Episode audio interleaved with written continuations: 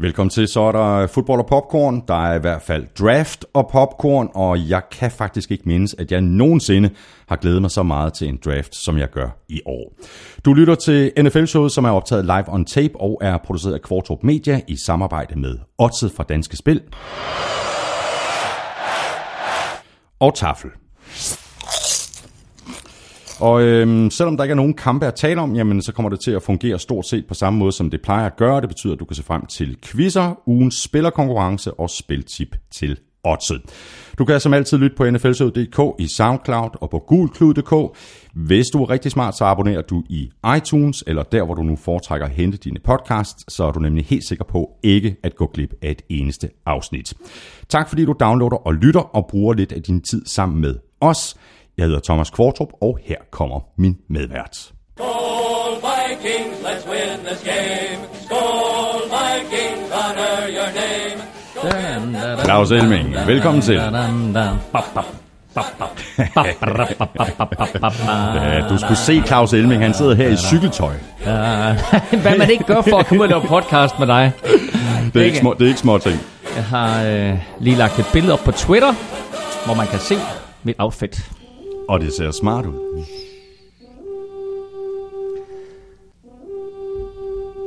Jeg stod jo i den situation, at øh, jeg pludselig ikke havde nogen bil, den er på værksted, og jeg skulle herud, og jeg var i krise. Og jeg kiggede ud af vinduet, og det regnede, og jeg tænkte, nej. Nå, men øh, på med øh, cykeltøjet og en lille podcast i ørerne, som det sidste forberedelse. Ja. Og så cyklede jeg herud, og det gik jo smertefrit. Og nu, og nu sidder vi, og ved du hvad du sagde lige før? Du sagde, jeg kan ikke mindes, og, og jeg, jeg har glædet mig så meget til en draft. Og jeg har det på samme måde. Øh, hvor, hvorfor tror du, det er sådan? Jeg ved det ikke. Jeg ved ikke, om det er NFL-showet, der smitter af på mig, eller hvad, hvad, hvad søren det er, men jeg... Jeg, jeg ved det faktisk ikke. Altså et, jeg glæder mig, Og helt, det- jeg glæder mig helt vildt til, til vores øh, samtale nu her, ikke? Og, og, de, de, Og her, lige måde. de her par timer her. Men jeg tror også, at det er fordi NFL jo som alt muligt andet har været så utroligt dygtig til at hype alle de her forskellige begivenheder, der ikke har noget med selve sæsonen at gøre. Mm. Og draften bliver bare større og større, og der bliver mere og mere fokus på det, og vi har selvfølgelig holdt enormt fokus på det inde på Gud Klud. Øh, har sågar også udgivet et draftmagasin. Mm. Og, og det jeg kunne opfordre til. Nu, gå ind og hent det, mens du lytter til podcasten. Der er simpelthen der er oversigter, der er hvilke free agents, der er kommet til i... i eller, vi, vi har oversigt over alle 32 free hold, ikke? agency, Ja, ja. ikke? Og, og, og, hvilke spillere, der er røget fra de, fra de 32 hold, og hvilke spillere, de måske kunne være på udkig efter, hvilke needs de har. Ikke? Præcis, der er en spritny artikel om de to danskere, der er også sådan en, hvad skal vi kalde det, en draft parlør, så når man i weekenden sidder og hører en, en masse mærkelige ord, så kan man lige slå op og sige, når det er det, det betyder. Øh, Så der er simpelthen alt, hvad du har behov for til draften. Og har man ikke lige helt styr på, hvad det her draft det egentlig går ud på, og hvorfor det er sådan, så har jeg faktisk selv skrevet en lille artikel om, omkring det her, hvad er det der draft egentlig for noget. Øh, Så der, det er den helt store indførsel, som du også sagde, komplet gennemgang af de 32 hold, og komplet gennemgang af de 10 bedste spillere, som vil vurdere det på alle positioner. Så der er altså en komplet navneliste over dem, som man skal holde øje med. Som, Ja, det er øh, et vildt arbejde, I har, I har lagt for dagen der. mange tak til øh, mange gode kræfter på Gud Klud, som har lagt et kæmpe arbejde i det her. Øh, tak til de mennesker, som øh, har holdt snor i det hele og har sørget for os, at det grafisk jo øh, ligner et blad, som du går ned og køber i en hver bladkiosk. Mm. Men, jeg, i, var- men øh, jeg var ikke færdig. Jeg var ikke færdig. Jeg var ikke Okay, færdig, ja. fordi min pointe var, at der er så mange ting omkring draften nu, at det bliver, det bliver hypet mere og mere, der er mere og mere opmærksomhed. Og så det faktum jo, at vi har to danskere i år, mm. som jo måske begge to bliver draftet, eller måske ingen af dem bliver draftet, Mathisen men de får i hvert og vi, fald kom, vi kommer til at tale om det. får i hvert fald måske en chance for at komme i en, en træningslejr et eller andet sted. Jeg tog lige et, øh, et break på en, øh, en lille uges øh, penge for et par ugers tid siden. Jeg tog til New York. Det havde ikke noget med fodbold at gøre. Men, What? det var, what? Har du været i New York? For første gang. Altså, jeg har mellemlandet i New York nogle mm. gange. Jeg, nu har jeg primært været på Vestkysten, primært i San Francisco. Ja. Første gang, sådan, jeg rigtig var i New York og på Manhattan, og det er jo simpelthen for, for vild en by. Øhm, jeg brugte det som anledning, at jeg har snakket med et øh, filmselskab i New York om min første bog, så jeg var over at snakke med dem. Det er så spændende, det der. Ja, det er meget spændende. Men det er din første bog, den hed tæt på paradis. Tæt på Paradis og handler om en eller anden, noget, noget aktivt Thailand, aktivt eller andet. Præcis. Og nu er der været et filmselskab i USA, som synes... Sådan et indie-selskab, som, øh, som har budt ind på den. Der er ikke skrevet kontrakter, der er ikke øh, sket noget endeligt og sådan noget. Og det kan ske om fem måneder, det kan ske om fem år, og det kan være, at det aldrig nogensinde sker. Ladies and gentlemen, I'm proud to say that I'm sitting in this studio with Writer, film director, producer and superstar Thomas yeah. The Q. Yeah, right. Skal vi snakke noget fodbold? Kør.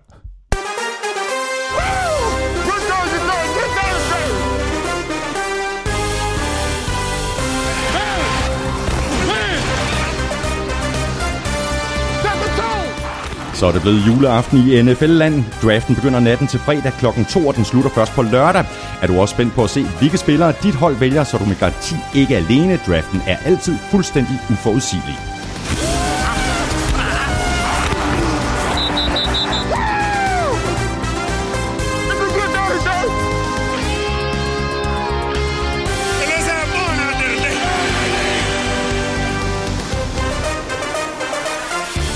Sidste år sammenlignede vi de to quarterbacks, Jared Goff og Carson Wentz, som gik 1 og 2. Situationen er anderledes i år, og derfor kigger vi mere bredt på nogle af de største college-stjerner, før vi ser på alle holdene og kommer med et bud på, hvilken vej de går.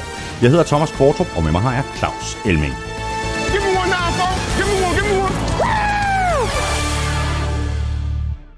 Og Claus, måske er det i virkeligheden derfor, at øh, jeg glæder mig ekstra meget til draften i år, fordi det ikke er så clear-cut, hvad der sker i toppen. Altså efter Miles Garrett, som alle forventer, at Browns tager, jamen så er det jo så er alt åbent. Men ved du hvad, det interessante er jo, at der stadigvæk er tvivl om, de tager Miles Garrett. Ja, og hvornår har der sidst været tvivl om sådan helt præcist, hvem... Ah, det var der selvfølgelig også sidst, vi vidste ikke, om det blev Jared Goff eller det blev Carson Wentz, men vi vidste, at de to, de ville gå et og to. Mm, mm. Ikke? Vi ved, at det bliver Miles Garrett, defensive end, eller det bliver øh, Mitchell Trubisky, øh, quarterback, som bliver draftet etter.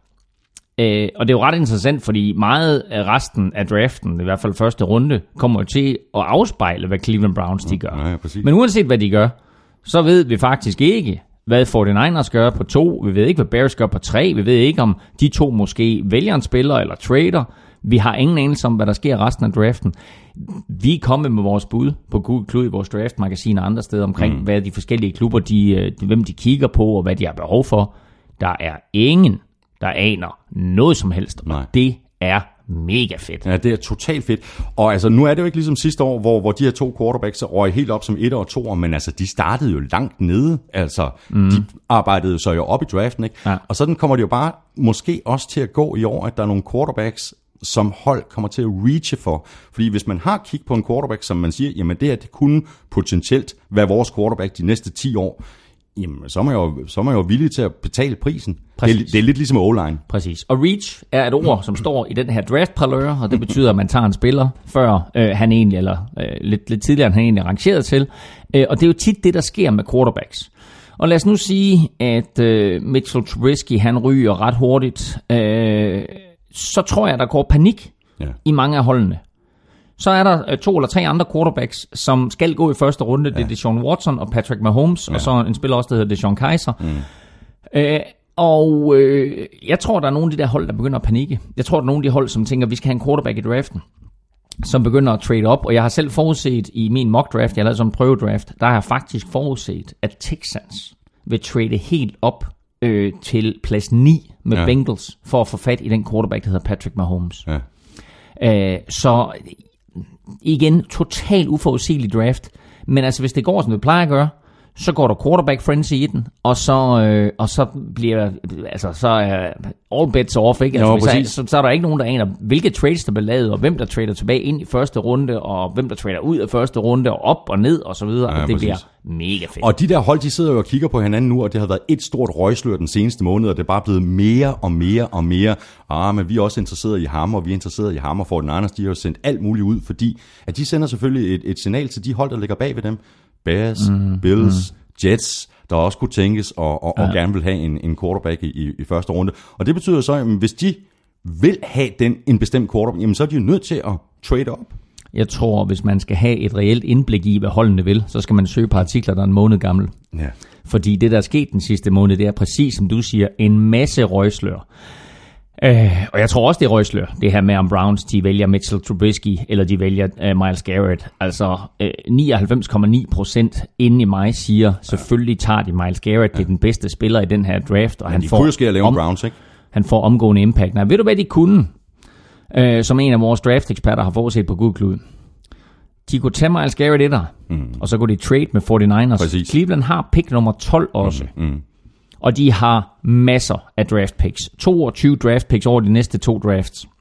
Og det har de været gode til at samle, samle sammen. På et eller andet tidspunkt skal det også veksles til nogle spillere, ikke? Forestil dig, at du venter på, du sidder i uh, OK Corral, og du ved, at lige om lidt, så kommer uh, The Big uh, Lowdown. Nu uh, går det helt amok, men du har simpelthen loadet op på ammunition. Ja. Så du ved, lige om lidt, der eksploderer det her, men jeg har ammunition, meget mere ammunition end alle mulige andre, så jeg er klar. Og det vil sige, at Cleveland Browns kan, hvis de ønsker det, styre den her draft fuldstændig. Og det vil sige, at de kan også gå ind og sige til 49ers, I har draft pick nummer to, det vil vi godt give vores 12'er for, mm, plus to mm. eller tre andre picks, høje draft picks. Øh, og så siger 49ers, Ja, det, pa- det passer også fint, fordi vi ved egentlig ikke helt, hvem Nej. vi gerne vil have på den der toer. Mm. De kan, de kan lige, akkurat lige så godt få, få øh, den spiller, de gerne vil have som nummer 12. Præcis. Nøjagtigt lige så godt. Og derfor så er det altså en, en mulighed, mm. som vi skal holde øje med. Så der er så mange spændende ting, ikke? Jo. Vi skal, vi skal åbne nogle chips, hey! øh, Claus Elming. Det er vi Jeg har også behov for det efter den cykeltur der. Og der er te i din kop, du har lidt øh, kriller i halsen. Ja. Øh, Det kan man ikke høre, kan man det? Det er, nej, overhovedet ikke. Øh, der er noget øh, hot holiday, holiday, og så er der peanut rings, og så er der move the sticks. Move the sticks. Perfekt. Men der er ikke nogen chili bearnaise, og der er ikke nogen Hvad skal, er, det, er det det? American Ranch. Hvis vi skal snakke i to timer om en, vi kan ikke Jamen, klare os på tre kommer der poser chips. pose- Og der kommer en pose- mere. Ja, Nå, nå, godt. Sådan der. Claus, før vi går i, øh, i kød på den her draft, som jo er i øh, Philadelphia i år, så napper vi lige nogle øh, andre historier først. Vi lægger ud med en, øh, kan vi vist roligt sige, en sørgelig en af slagsen, og de fleste, fleste har selvfølgelig hørt eller læst den her historie, men vi bliver nødt til også lige at runde den. Aaron Hernandez, øh, tidligere tight end fra Patriots, begik selvmord i fængslet i sidste uge. Og uanset hvad den mand har gjort, øh, så er det her bare en trist historie fra start til slut.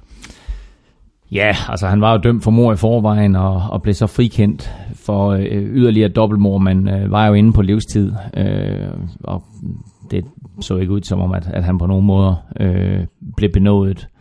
Øh, og ikke, at jeg advokerer for, at han skulle på nogen måder. Øh, men han var til sidst klar over, at det her, det var, øh, det var endeligt.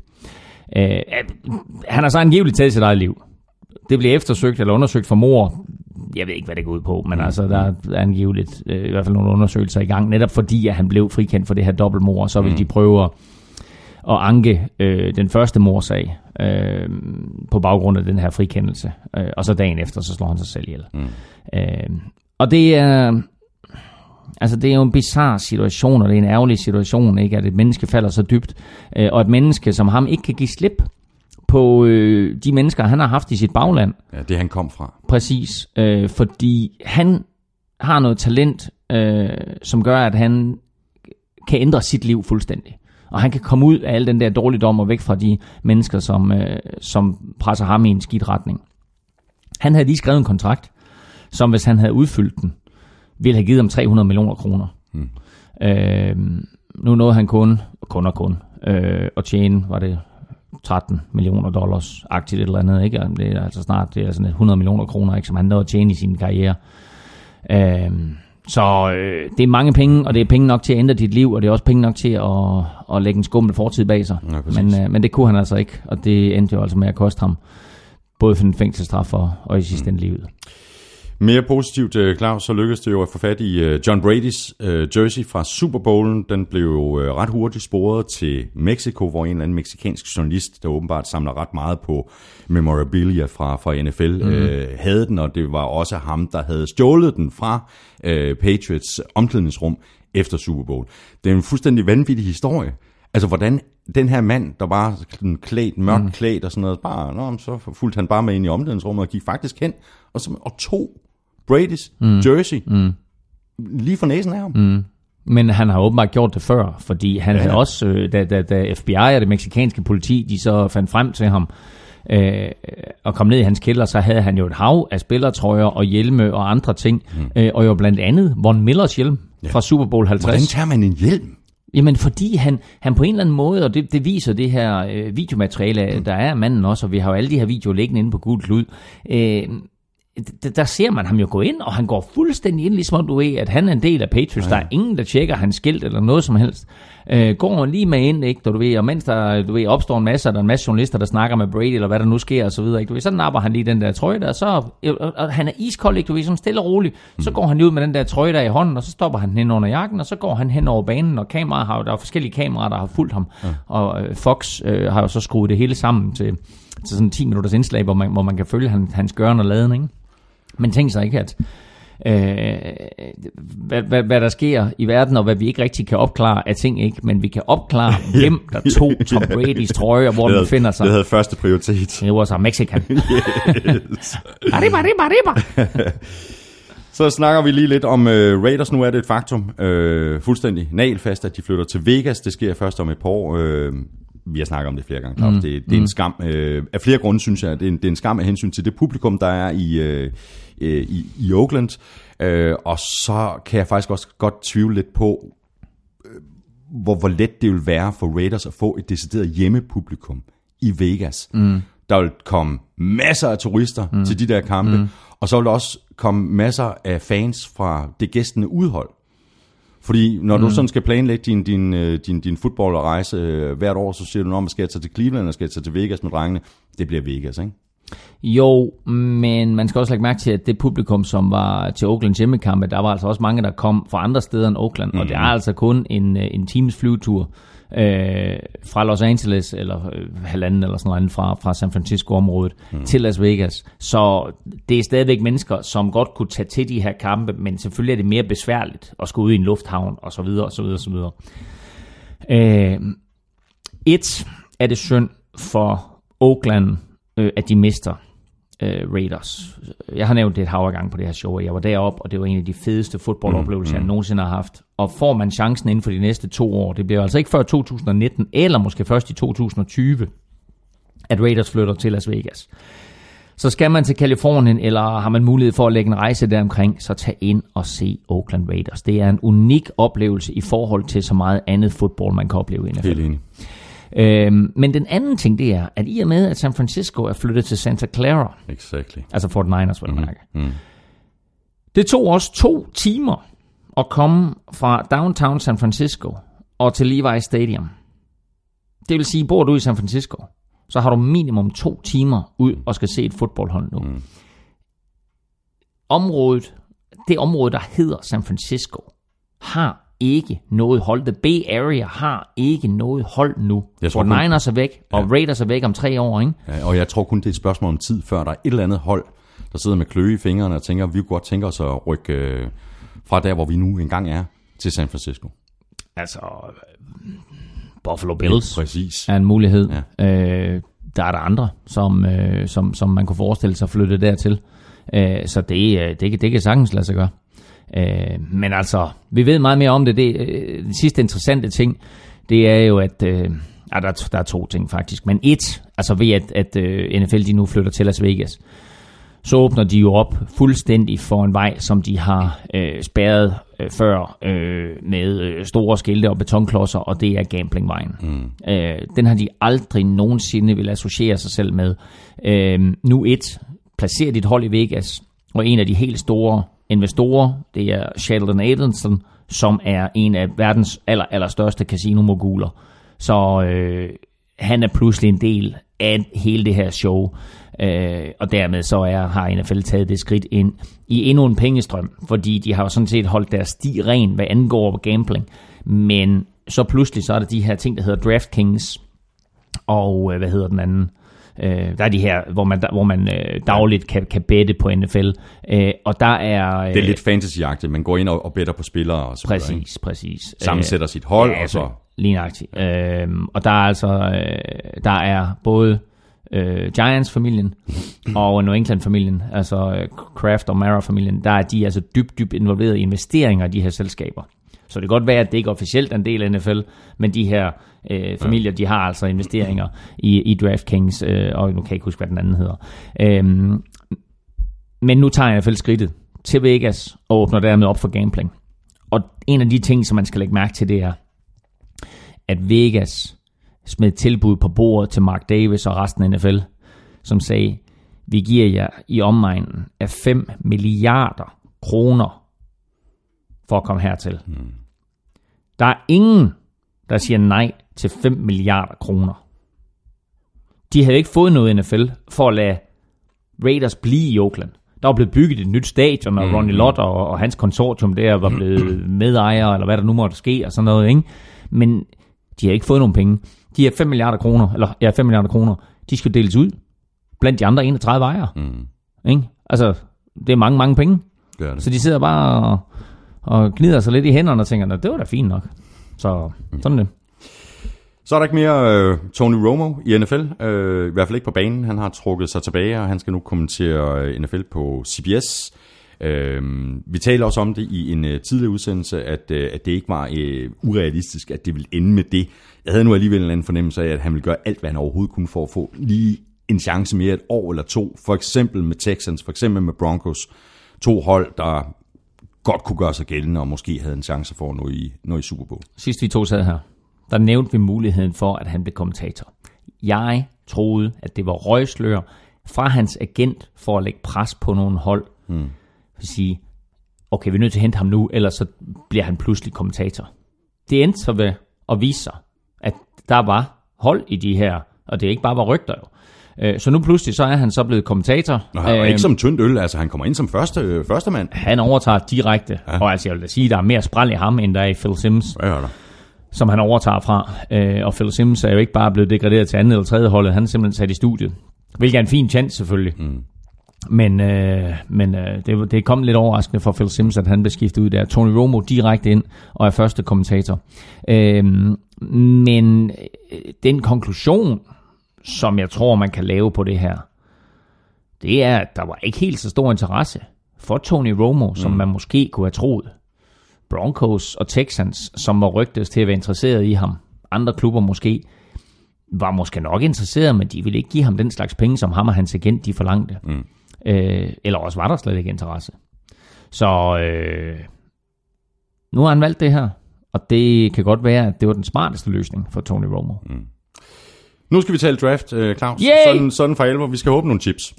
Øhm, og vi kan begynde med at tale om, hvor realistisk det er, at vi igen får en, en dansker i NFL. Vi har øh, hele to muligheder i år. Ja. Simon Mathisen og Andreas Knappe. Niklas Sembak øh, spørger på øh, Twitter. Bliver der draftet en dansker? I så fald hvem? Mm. Og Hov. måske endda til hvilket hold? Ah, okay. Om nu er der pres på. Ja, til hvilket hold, det er fuldstændig umuligt at sige. Ja, Og fuldstændig. jeg har talt med dem begge to. Um, og de siger jo begge to, det er fuldstændig lige meget, hvem vi kommer til. Ja. Simon vil gerne til Dallas. Det kommer han ikke. De har Dan Bailey som kicker. Andreas vil gerne til, uh, til New England Patriots. Det er faktisk ikke umuligt. Men de siger begge to, det er fuldstændig lige meget, hvor vi kommer hen. Ja, du tosset. Vi vil bare gerne i NFL. Ja. Så spørgsmålet. Øhm, var det om vi får draftet? Og hvad, hvad, hvad, Mm. der var tre spørgsmål. Om og hvad? Om der kommer en dansker i Ja. NFL, hvem det bliver, Ja. og hvor han havner. Det sidste, det, det sorterer vi fra. Min forudsigelse er, at begge danskere kommer i NFL øh, i den forstand, at de kommer i en træningslejr. Ja, det tror jeg også, de gør. Øhm, for en måned siden, der var vi ret sikre på, at hvis en af de to blev draftet, så var det Andreas. Ja. Nu så jeg odds på, at der er altså større odds på, at Simon bliver draftet, altså bedre odds, eller lavere odds sådan Ja, set, ja. ikke? Altså mere på, sandsynligt. På, på, ja, det er mere sandsynligt, at, at Simon bliver draftet, end at Andreas bliver draftet. Øh, og så har jeg så set, at øh, hvor vi før snakkede Andreas maksimalt et femte runde pick, så er der pludselig nogen, der snakker tredje runde pick nu. Øh, han er også nævnt i nogle af de store draft-eksperters øh, liste over de bedste offensive linemen, øh, og de har som regel kun, lad os sige, 20 på sådan en liste, ikke? Mm. Så han er, han er meget populær. Og i går på NFL Network, der siger folkene i studiet, måske er det her Danmarks år. Først bliver Morten Andersen valgt ind i Hall of Fame, og ja. nu har de to drenge med i draften. Øh, og nævner dem med navn. Øh, Andreas Knapp and Simon Matheson. øh, så øh, jeg håber inderligt, at de begge to kommer i camp. Øh, jeg håber faktisk også for dem, og det her det lyder mærkeligt, der skal man forstå, hvordan draften er skruet sammen, men jeg håber faktisk for dem, at hvis vi når ned til syvende runde, at de så ikke bliver draftet.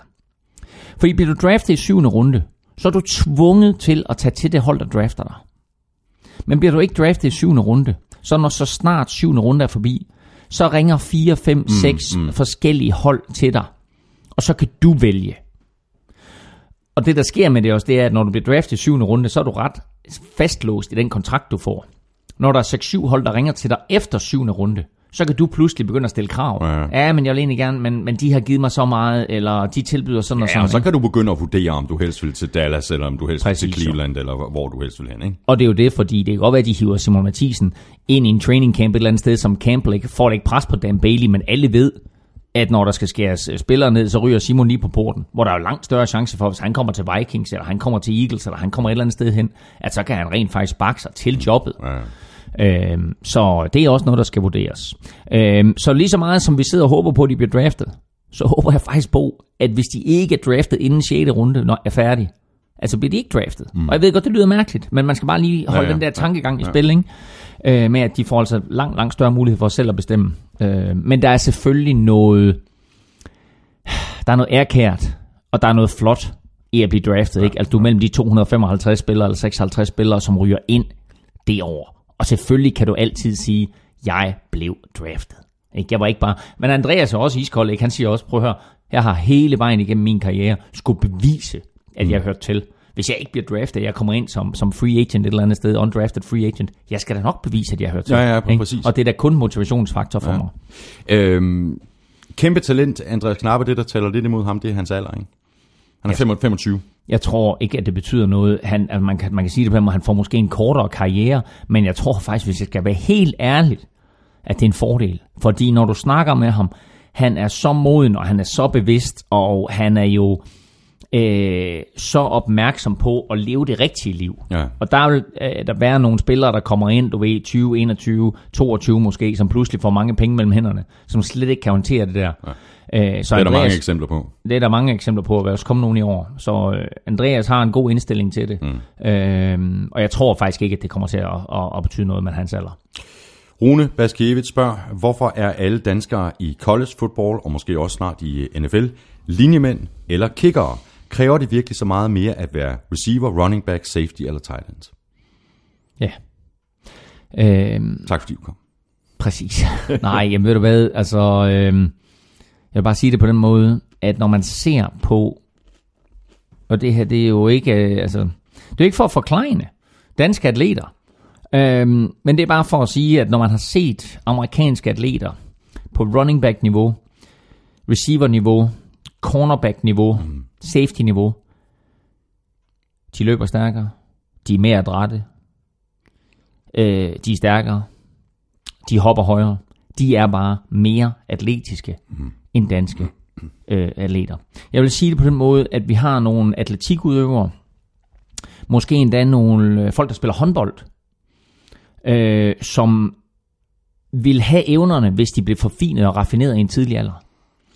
Øh, fodboldspillere, måske knap så meget. Der er nogen, der løber virkelig, virkelig stærkt. Jeg kan godt forestille mig, lad os sige, en Dennis Rommedal kunne måske være blevet receiver, hvis han, hvis han kunne gribe bolden også. Ikke? Øh, men altså, øh, der er bare enorm forskel, og der er så mange flere tag derovre. Så er det altså lidt nemmere at sige, okay, øh, vi kan måle den her mand her, ikke? Andreas Knappe, han er 2 meter 4, vejer 147 kilo, og bevæger sig jo atletisk, Ja, ja. vil jeg lige sige. Ikke? Mm. Så derfor er han måske et nemmere prospekt for, ja. for øh, college-klubber at evaluere. Der har været nogle få øh, danskere over, øh, Dian Sørensen og Martin Vester blandt andet, som øh, spillede receiver, øh, men altså øh, virkelig, virkelig dygtige spillere. Men der har- var lang vej. der er lang vej. Ja. Nu tager vi lige nogle øh, sådan lidt mere overordnede og generelle spørgsmål i forhold til, øh, til draften. The Mighty Shaker øh, spørger på Twitter, hvor mange har klubberne ansat til at scoute mm. college-rækkerne, eller hvordan foregår scoutingen overhovedet? Jamen altså, øh, en NFL-organisation består jo omkring 100, 110, 125 mennesker, og øh, cirka 15 af øh, folkene i den her organisation, de er øh, på en eller anden måde tilknyttet scoutafdelingen. Øh, og det er bare dem, der er ansat af selve holdet. Det er dem, der har base i deres hovedkvarter. Derudover så har de nogle lokale scouts, som de enten betaler en freelance løn, eller har tilknyttet mere eller mindre fast. Men 15 mand cirka har hvert hold udelukkende til at håndtere øh, og holde øje med de forskellige college-rækker, holde øje med de forskellige colleges, holde øje med de forskellige konferencer. øh, rejser ud, øh, ser forskellige college-kampe. Der er også nogen, som holder øje med spillere i, i high school. Og de får jo et lov til at arbejde for deres løn. Prøv at høre, de arbejder stenhårdt. Ja. Øh, men for de dygtige scouts, der er det her også en vej op igennem systemet. For så går du fra at være scout til måske at være personal director, øh, til måske at være head of scouting, og så er døren pludselig åbnet til at blive general manager. Belichick, var han ikke uh, scout? Belichick var scout, og der har været flere andre. Øh, der er masser af eksempler på scouts, som, øh, som er blevet general manager. Fordi det er en god måde at blive det, man kan kalde øh, dygtig til at evaluere talent. Mm. Øh, og det er super, super vigtigt, når du skal være general manager, at du er dygtig til at evaluere talent. Og det er jo, kan vi sige, en af Bill Belichicks allerstørste forser. Hvad må man sige? Så. Kasper Finn Olsen øh, spørger, hvordan er strategien på dagen? Har man en prioriteringsliste? Og hvis ja, hvordan tror I så, at den er bygget op? Og lidt i samme boldgade, der skriver øh, Glenn Råvig, kunne være fedt med en gennemgang af klubbernes setup ved selve draften. Hvem er til stede? Hvordan trades der op og ned på dagen? Mm. Hvor meget har de styr på de andre klubbers valg i de senere runder? Mm. Hvem ændrer strategien undervejs, hvis flere spillere ikke er tilgængelige? Så det er altså et par spørgsmål, der, der, der handler om, what the fuck is going on? Ja, præcis. præcis. Og, og det er et fedt spørgsmål, øh, og jeg vil prøve at svare det øh, så øh, fyldesgørende som muligt, men så kort som muligt. Mm. Øhm, et, øh, alle holdene har det, man kalder et big board. Og det, du skal forestille dig en tavle, øh, 6 meter lang, 2 meter høj, med alle spillere på. Og der har de rangeret spillerne. Så har de simpelthen legnet op. Det her, det er vores big board. Vi har måske Miles Garrett øverst, og så kommer øh, Solomon Thomas og Mitchell Trubisky, et cetera, et cetera. Og det har de altså gjort med, lad os sige, 300 eller 400 spillere. Mm. Øhm, det er den ene måde. Øh, eller det, det, det er starten. Så er der to generelle måder, man vælger spillere på, ud, eller ud fra. Et, behov. Mm. Hvilken spiller står vi og mangler lige nu? Mangler vi en quarterback? Mangler vi en defensive end? Mangler vi en cornerback? Hvad mangler vi? Den måde kan man vælge på, og så sige, hvad er den bedste spiller, der er tilbage i draften, når vi vælger, som udfylder et behov. Den anden, det er øh, en meget populær måde at, at drafte også, som hedder Best Player Available. Og det er simpelthen, man kigger på vores big board. De her spillere, de er væk. Den spiller, vi har højst rangeret, ja. Det er en defensive end. Pis, vi har fire defensive ends i forvejen. Mm. Men vi har strategien, der hedder Best Player Available. Så tager de den defensive end. Og så kan det godt være, at han kommer til måske at få en minimal rolle i sit første år eller andet år, men så på sigt er der nogle kontrakter, der udløber, og han lærer måske øh, af, af, af de spillere, der er omkring sig. Et fantastisk eksempel er jo Aaron Rodgers tilbage i 2005-draften. Ikke? Altså, de har, Green Bay Packers har Brett Favre, ikke? men de sidder og kigger på, at Aaron Rodgers, han er der med pick nummer 26, og de tænker, altså, vi har ikke behov for en quarterback, Nej. men Aaron Rodgers. Ja, vi napper ham. Aaron Rodgers. Mm.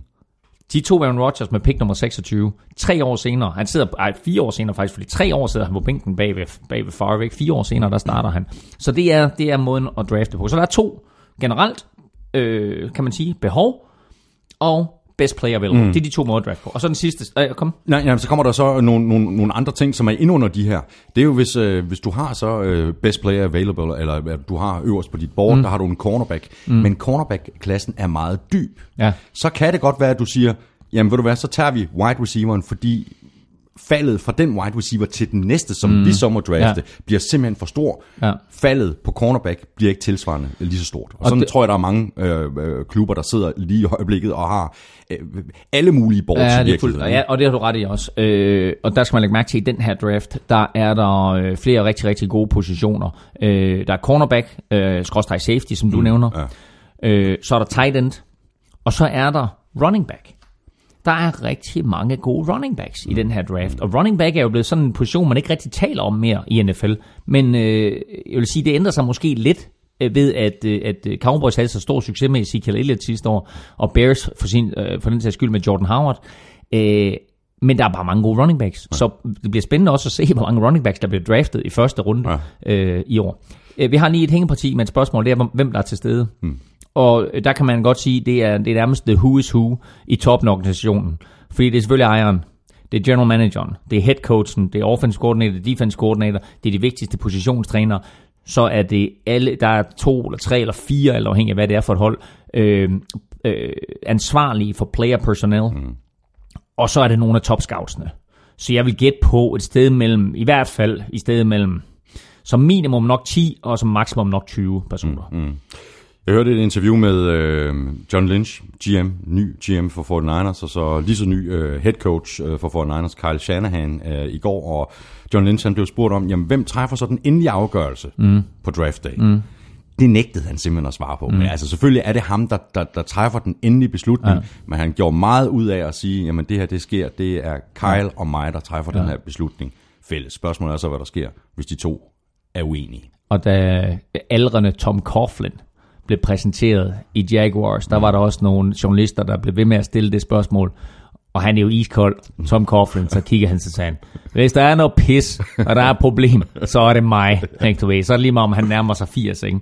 Det er ham, der bestemmer dernede. Og derfor så tror jeg selvfølgelig også, de to er gode venner, Kyle Shanahan og, og, og John Lynch. Ikke? Og lad os, lad os håbe, at de bevarer det venskab, mm. uanset hvad der måtte ske mm. her. Øhm, og de skal selvfølgelig blive enige, men altså er der et spørgsmål. Øh, og det er jo ikke kun i draften. Det er jo også, når man skal fra 90 spillere ned til 53, som foregår via forskellige cuts. Øh, så er der altså nogle spillere, hvor en, en head coach måske siger, jeg elsker ham der, ikke? eller ham kan jeg bruge, så siger general manageren, altså prøv at høre, kommer ikke til at ske. Og der er der altså bare en mand, som skal tage beslutningen, og det bliver som regel general manageren. Mm. Nu nævnte du lige uh, running backs, og at uh, klassen i år er, er dyb, Claus. Uh, Nikolaj Andersen uh, skriver på mail, at jeg har hørt nogle amerikanske eksperter udtale, at nogle positioner, running back og tight end, ikke er positioner, hvor det er værd at vælge spillere i top 5 af draften, blot på baggrund af positionen, uagtet hvor meget talent uh, de enkelte prospects uh, på positionen mm. må have. Er I enige eller uenige i det?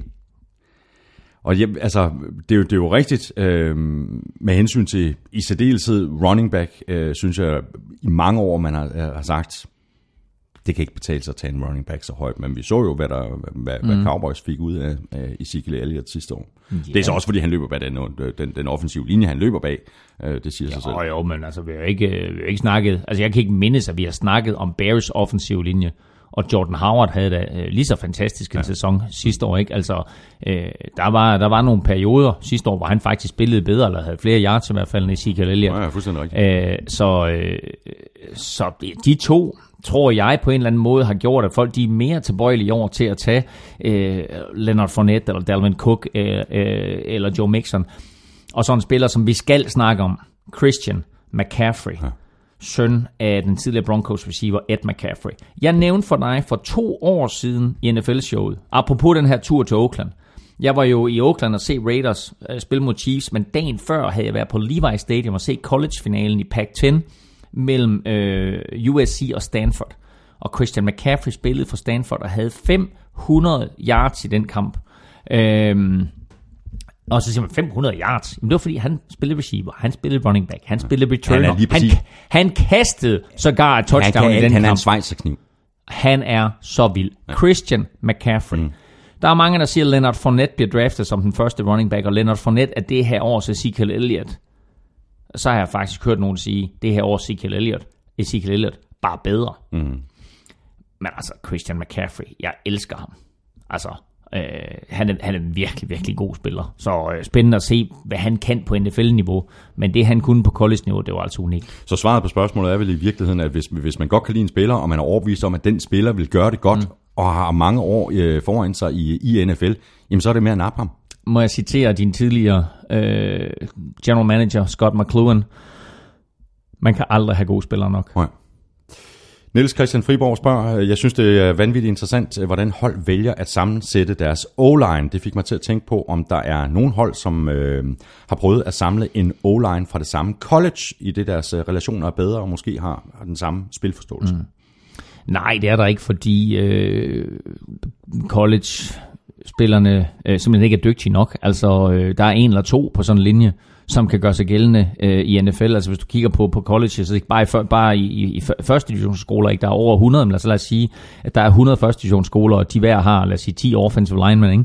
det er 1000 offensive linemen, der er bare der. Mm. Ikke? Altså, og det er klart, at der vælger man så de bedste af de der og siger, okay, I er gode nok til at komme i NFL. Og så misser man selvfølgelig hister her, ikke? og det kan være, der er en, der, der, der bliver god sent og kommer ind i ligaen senere, men nej, det har man ikke. Mm. Øh, interessant, synes jeg, at det er sådan, at, at i Carolina, der tænker de, at de kan få en eller anden fordel øh, ved at sætte de to Khalil-brødre på den samme linje i år. Ikke? Så der har de Ryan Khalil på center, og så Matt Khalil formodentlig på venstre tackle, mm. øh, og så se, om det giver dem en eller anden form for, for effekt. Øh, men nej, det tvivler jeg på. Markus Sletten skriver, hvert år i draften er der altid en spiller, som er yber atletisk, men som måske ikke er den øh, bedste fodboldspiller, og som øh, derfor betegnes som øh, usleben. Hvilke spillere synes I, der passer ind i den her kategori i årets draft? Åh, oh, det er et giftigt spørgsmål. Øhm, jeg vil næsten være lidt kontroversiel, og måske sige, at en af de spillere, som bliver draftet meget, meget højt, det er en cornerback, der hedder Marshawn Lattimore. Mm. Han kunne måske endda være den allerførste corner, der bliver draftet. Han er, øh, han er en virkelig, virkelig, virkelig fænomenal atlet. Øh, men han er en bedre atlet, end han er fodboldspiller. Så øh, der skal et NFL-hold drafte ham på grund af hans atletiske evner, og så skal de lære ham at spille NFL-fodbold. Fordi selvfølgelig kan han spille fodbold i college, men øh, om han kan tage det og så transformere det til den måde, man spiller på i NFL, det, det, kræver, det kræver, at han bliver coachet, og at han er villig til at blive coachet. Mm. Vi har været lidt inde på det, men her er et spørgsmål fra Anders Abo Hansen, øh, der skriver, i mine øjne er dette års draft anderledes end mange tidligere, da der efter en øh, stor favorit til pick nummer 1 ikke rigtig er en klar top 3, top 5 eller top 10, men der vel er reelt øh, 8-10, måske flere spillere, der er i spil til at blive taget som nummer 2 eller 3. Betyder det, at den normale værdi for et højt draft pick bliver devalueret, og at et hold som 49ers, der gerne vil trade ned, ikke kan få ret meget for deres pick, sammenlignet med for eksempel sidste år. Og vil det betyde flere mm. trades, fordi det er billigere mm. at trade op? Jeg har, det har jeg faktisk ikke overvejet det der. Øh, interessant det er, at øh, jeg mener, det var var det, var det, var det, var det, var det nej, okay, jeg kan ikke huske, hvem det var. Jeg mener, det var, det var Jimmy Johnson, den tidligere Dallas head coach, som lavede sådan et, en oversigt, mm. hvor han simpelthen satte point på alle draft picks. Han sagde, øh, første runde, første pick er så og så mange point værd. Præcis. Anden runde, anden pick, eller anden runde, øh, syvende pick er så og så mange point værd. Sjette runde, femte pick er så og så mange point værd. Og det vil sige, når man så siger, okay, I vil gerne trade fra den position op til den position, det vil sige, der er det forskel, så er så mange point i forskel. Hvordan får vi øh, mm. den her pointforskel udlignet? Okay, jeres anden runde pick plus jeres tredje runde pick plus jeres sjette runde pick, det giver den forskel i Præcis. point. Så det er, den, det er den måde, de fleste hold... Og, og det, er, ja, det er lige præcis Jimmy Johnson, der, ja. der, der lavede den Præcis. der, og så mener jeg, at det er en eller anden professor fra Stanford eller sådan noget, der har lavet en anden model, et andet okay, pointsystem. Ja, ja. Øh, og det bliver vist også brugt i, i nogle klubber. Ja. Men spørgsmålet her fra Anders Erbo... Giants, Redskins og Eagles, de nægter at bruge Jimmy Johnsons. det der, det gider vi ikke. Men, men spørgsmålet fra Anders Erbo er, er sådan set meget godt, fordi jeg tror da godt, at 49ers, de kunne øh, være fristet til at sige, ja, vi kigger på Jimmy Johnsons, men vi er villige til at tage lidt mindre. Mm. Og det tror jeg også godt, at holdene de er klar over, når de nu ringer til 49ers, så de vil godt have øh, andet pick. Det er et super point, jeg har. Altså, jeg mener, øh, det er et virkelig, virkelig godt spørgsmål, for jeg har slet ikke tænkt på det. Så, øh, så, så det, er, det, det er faktisk en, en rigtig, rigtig god pointe. Nu nærmer vi så det øh, tidspunkt, hvor vi tager hul på at øh, kigge på selve draften og komme med et øh, bud eller to på, hvor de forskellige hold de kunne tænke sig at placere deres pick i første runde. Først der skal vi lige runde et par så spillere. Så 42 er... minutter at komme her til. ja, præcis. vi skal lige runde par spillere, Claus, der er ruttet lidt ned både i mock drafts og må vi formode også på de enkelte holds draftboards. sidste år der havde vi Larry Tunsil, der havde røget marijuana i en, var det en gasmaske ja, eller sådan noget. Det, det så lidt ja. dumt ud, ikke? Øh, og i år der har vi så Ruben Foster og Jabril Peppers, der begge er blevet taget med en, øh, en fortyndet øh, urinprøve. Mm. Øh, ja, det er ikke så godt. Og de er vel rutset, de to mm. spillere. Ja, det, får, det ved vi ikke. Det får vi jo se på torsdag. Ja, det, ja, det er du Eller, ret i. Ja, ja. Altså, nu ser jeg på torsdag, det er i morgen jo. Øhm, ja, og for hvis I først hører den her torsdag, så er det i dag. Og hører den først på fredag, så er det i går. Sådan er det med podcast. øhm, fordi ja, selvfølgelig vil det være naturligt, at Ruben Foster øh, rutscher nedad, og folk siger, ej, ham holder vi os fra. Øh, men det er bare den bedste linebacker, ja, er der er den her draft. Kæmpe talent. Ikke? Øh, og ond i sulet. Ikke? Altså en, en, en øh, meget, meget dygtig atletisk linebacker, ond i sulet, men jo altså så også med nogle problemer uden for banen som de her NFL-hold, de skal forholde sig til. Mm. Er, er det et enkeltstående eller et dobbeltstående tilfælde? Er det noget, vi kan rette op på? Er det en spiller, vi vil have ind? Er han god i vores omklædningsrum? Øhm, at det her betyder det, at vi skal tage en chance på ham. Får han fire, dages spil, øh, fire spildags karantæne, får han årsspil øh, karantæne? Hvad, hvad, hvad kommer der til at ske? Så hvis jeg skal være helt ærlig, så tror jeg faktisk, at Ruben Foster bliver draftet i første runde. Jabril Peppers kan jeg godt være en lille bitte smule i tvivl om om han rutscher ud af... Nu skal lige siges, altså de har testet, de har ikke testet positivt endnu. deres, deres, deres dopingprøver viser bare, at, øh, de har været, at urinen har været fortyndet. Mm. Og det er jo som regel noget, man gør for at skjule øh, nogle andre medicamenter. De var simpelthen så tørstige. De var så tørstige, de drak så meget Gatorade. Det er jo, det er jo undskyldningen. Ja, ja, præcis. Ikke? Um, Vi var lige ved at dehydrere. ja, ja, vi var lige ved det her, så vi drak simpelthen så meget vand. Ikke? Altså, Og så tørstige. Ja, øh, men det er jo det er jo, det er jo reelt set det, ikke? Så øh, lad os nu se, hvad der kommer ud. Øh, fordi de her tests, de når hverken at blive bekræftet eller afkræftet Nej, inden draften. nej. Så derfor så er der et hold, som kommer til at drafte Ruben, Foster, øh, Ruben Foster i første runde. Skal vi ikke lige øh, løbe nogle af navnene igennem på, på de største af de her college-stjerner, øh, som vi forventer går tidligt i draften? Øh, lad os bare begynde øh, fra toppen med defensive end og consensus pick ja. nummer et, Miles Garrett. Ja. Og når vi så alligevel har fat i ham, så kan vi også tale om manden, som øh, mange øh, spår øh, går som nummer to til 49ers. Øh, Solomon Thomas, mm. også øh, defensive end. Ja. Øh, Miles Garrett først. Miles Garrett, super interessant, kommer fra det samme college som Von Miller. Og øh, Von Miller beviste jo så sent som i Super Bowl 50, og for den sags skyld også hele sidste, sidste sæson, øh, at man fra den position defensive end kan ødelægge alt, hvad modstandernes angreb forsøger at lave. Øh, Miles Garrett er, spiller samme position, er samme størrelse, løber lige så hurtigt, men er 10 kilo tungere. Mm. Øh, så øh, det her det er en ny Von Miller, der kommer ind. Von Miller blev draftet to år i sin tid. Cam Newton blev draftet etter. I år der bliver det Miles Garrett etter, og så må vi se, hvem der bliver toer. Mm. Og han har jo haft øh, to øh, eller tre, øh, tre mand på sig ikke? Øh, i, her i det seneste år i, i college, så, så det bliver jo interessant at se, hvor, hvor, hvordan han kommer til at slå igennem i NFL. Jo, men altså, hvis du ser på den succes, Joey Bosa han havde sidste ja. år, ikke? Øh, så er Miles Garrett helt på højde med Joey Bosa. Øh, jeg tror, de to, Joey Bosa og Miles Garrett, det bliver to spillere, som vi kommer til at tale så meget om i årene fremover. Hvad så med øh, Solomon Thomas? Jeg må indrømme, at jeg har kigget så meget på alle mulige andre spillere, fordi der har været så meget snak om, at Solomon Thomas, han måske vil... Øh, øh, øh, altså, ikke, først så, så har du 100% sikkert, at han blev draftet to år, og nu pludselig, så sker der jo alt muligt med det pick der, ikke? Altså, trader 49ers væk fra to år, eller hvad sker der med det?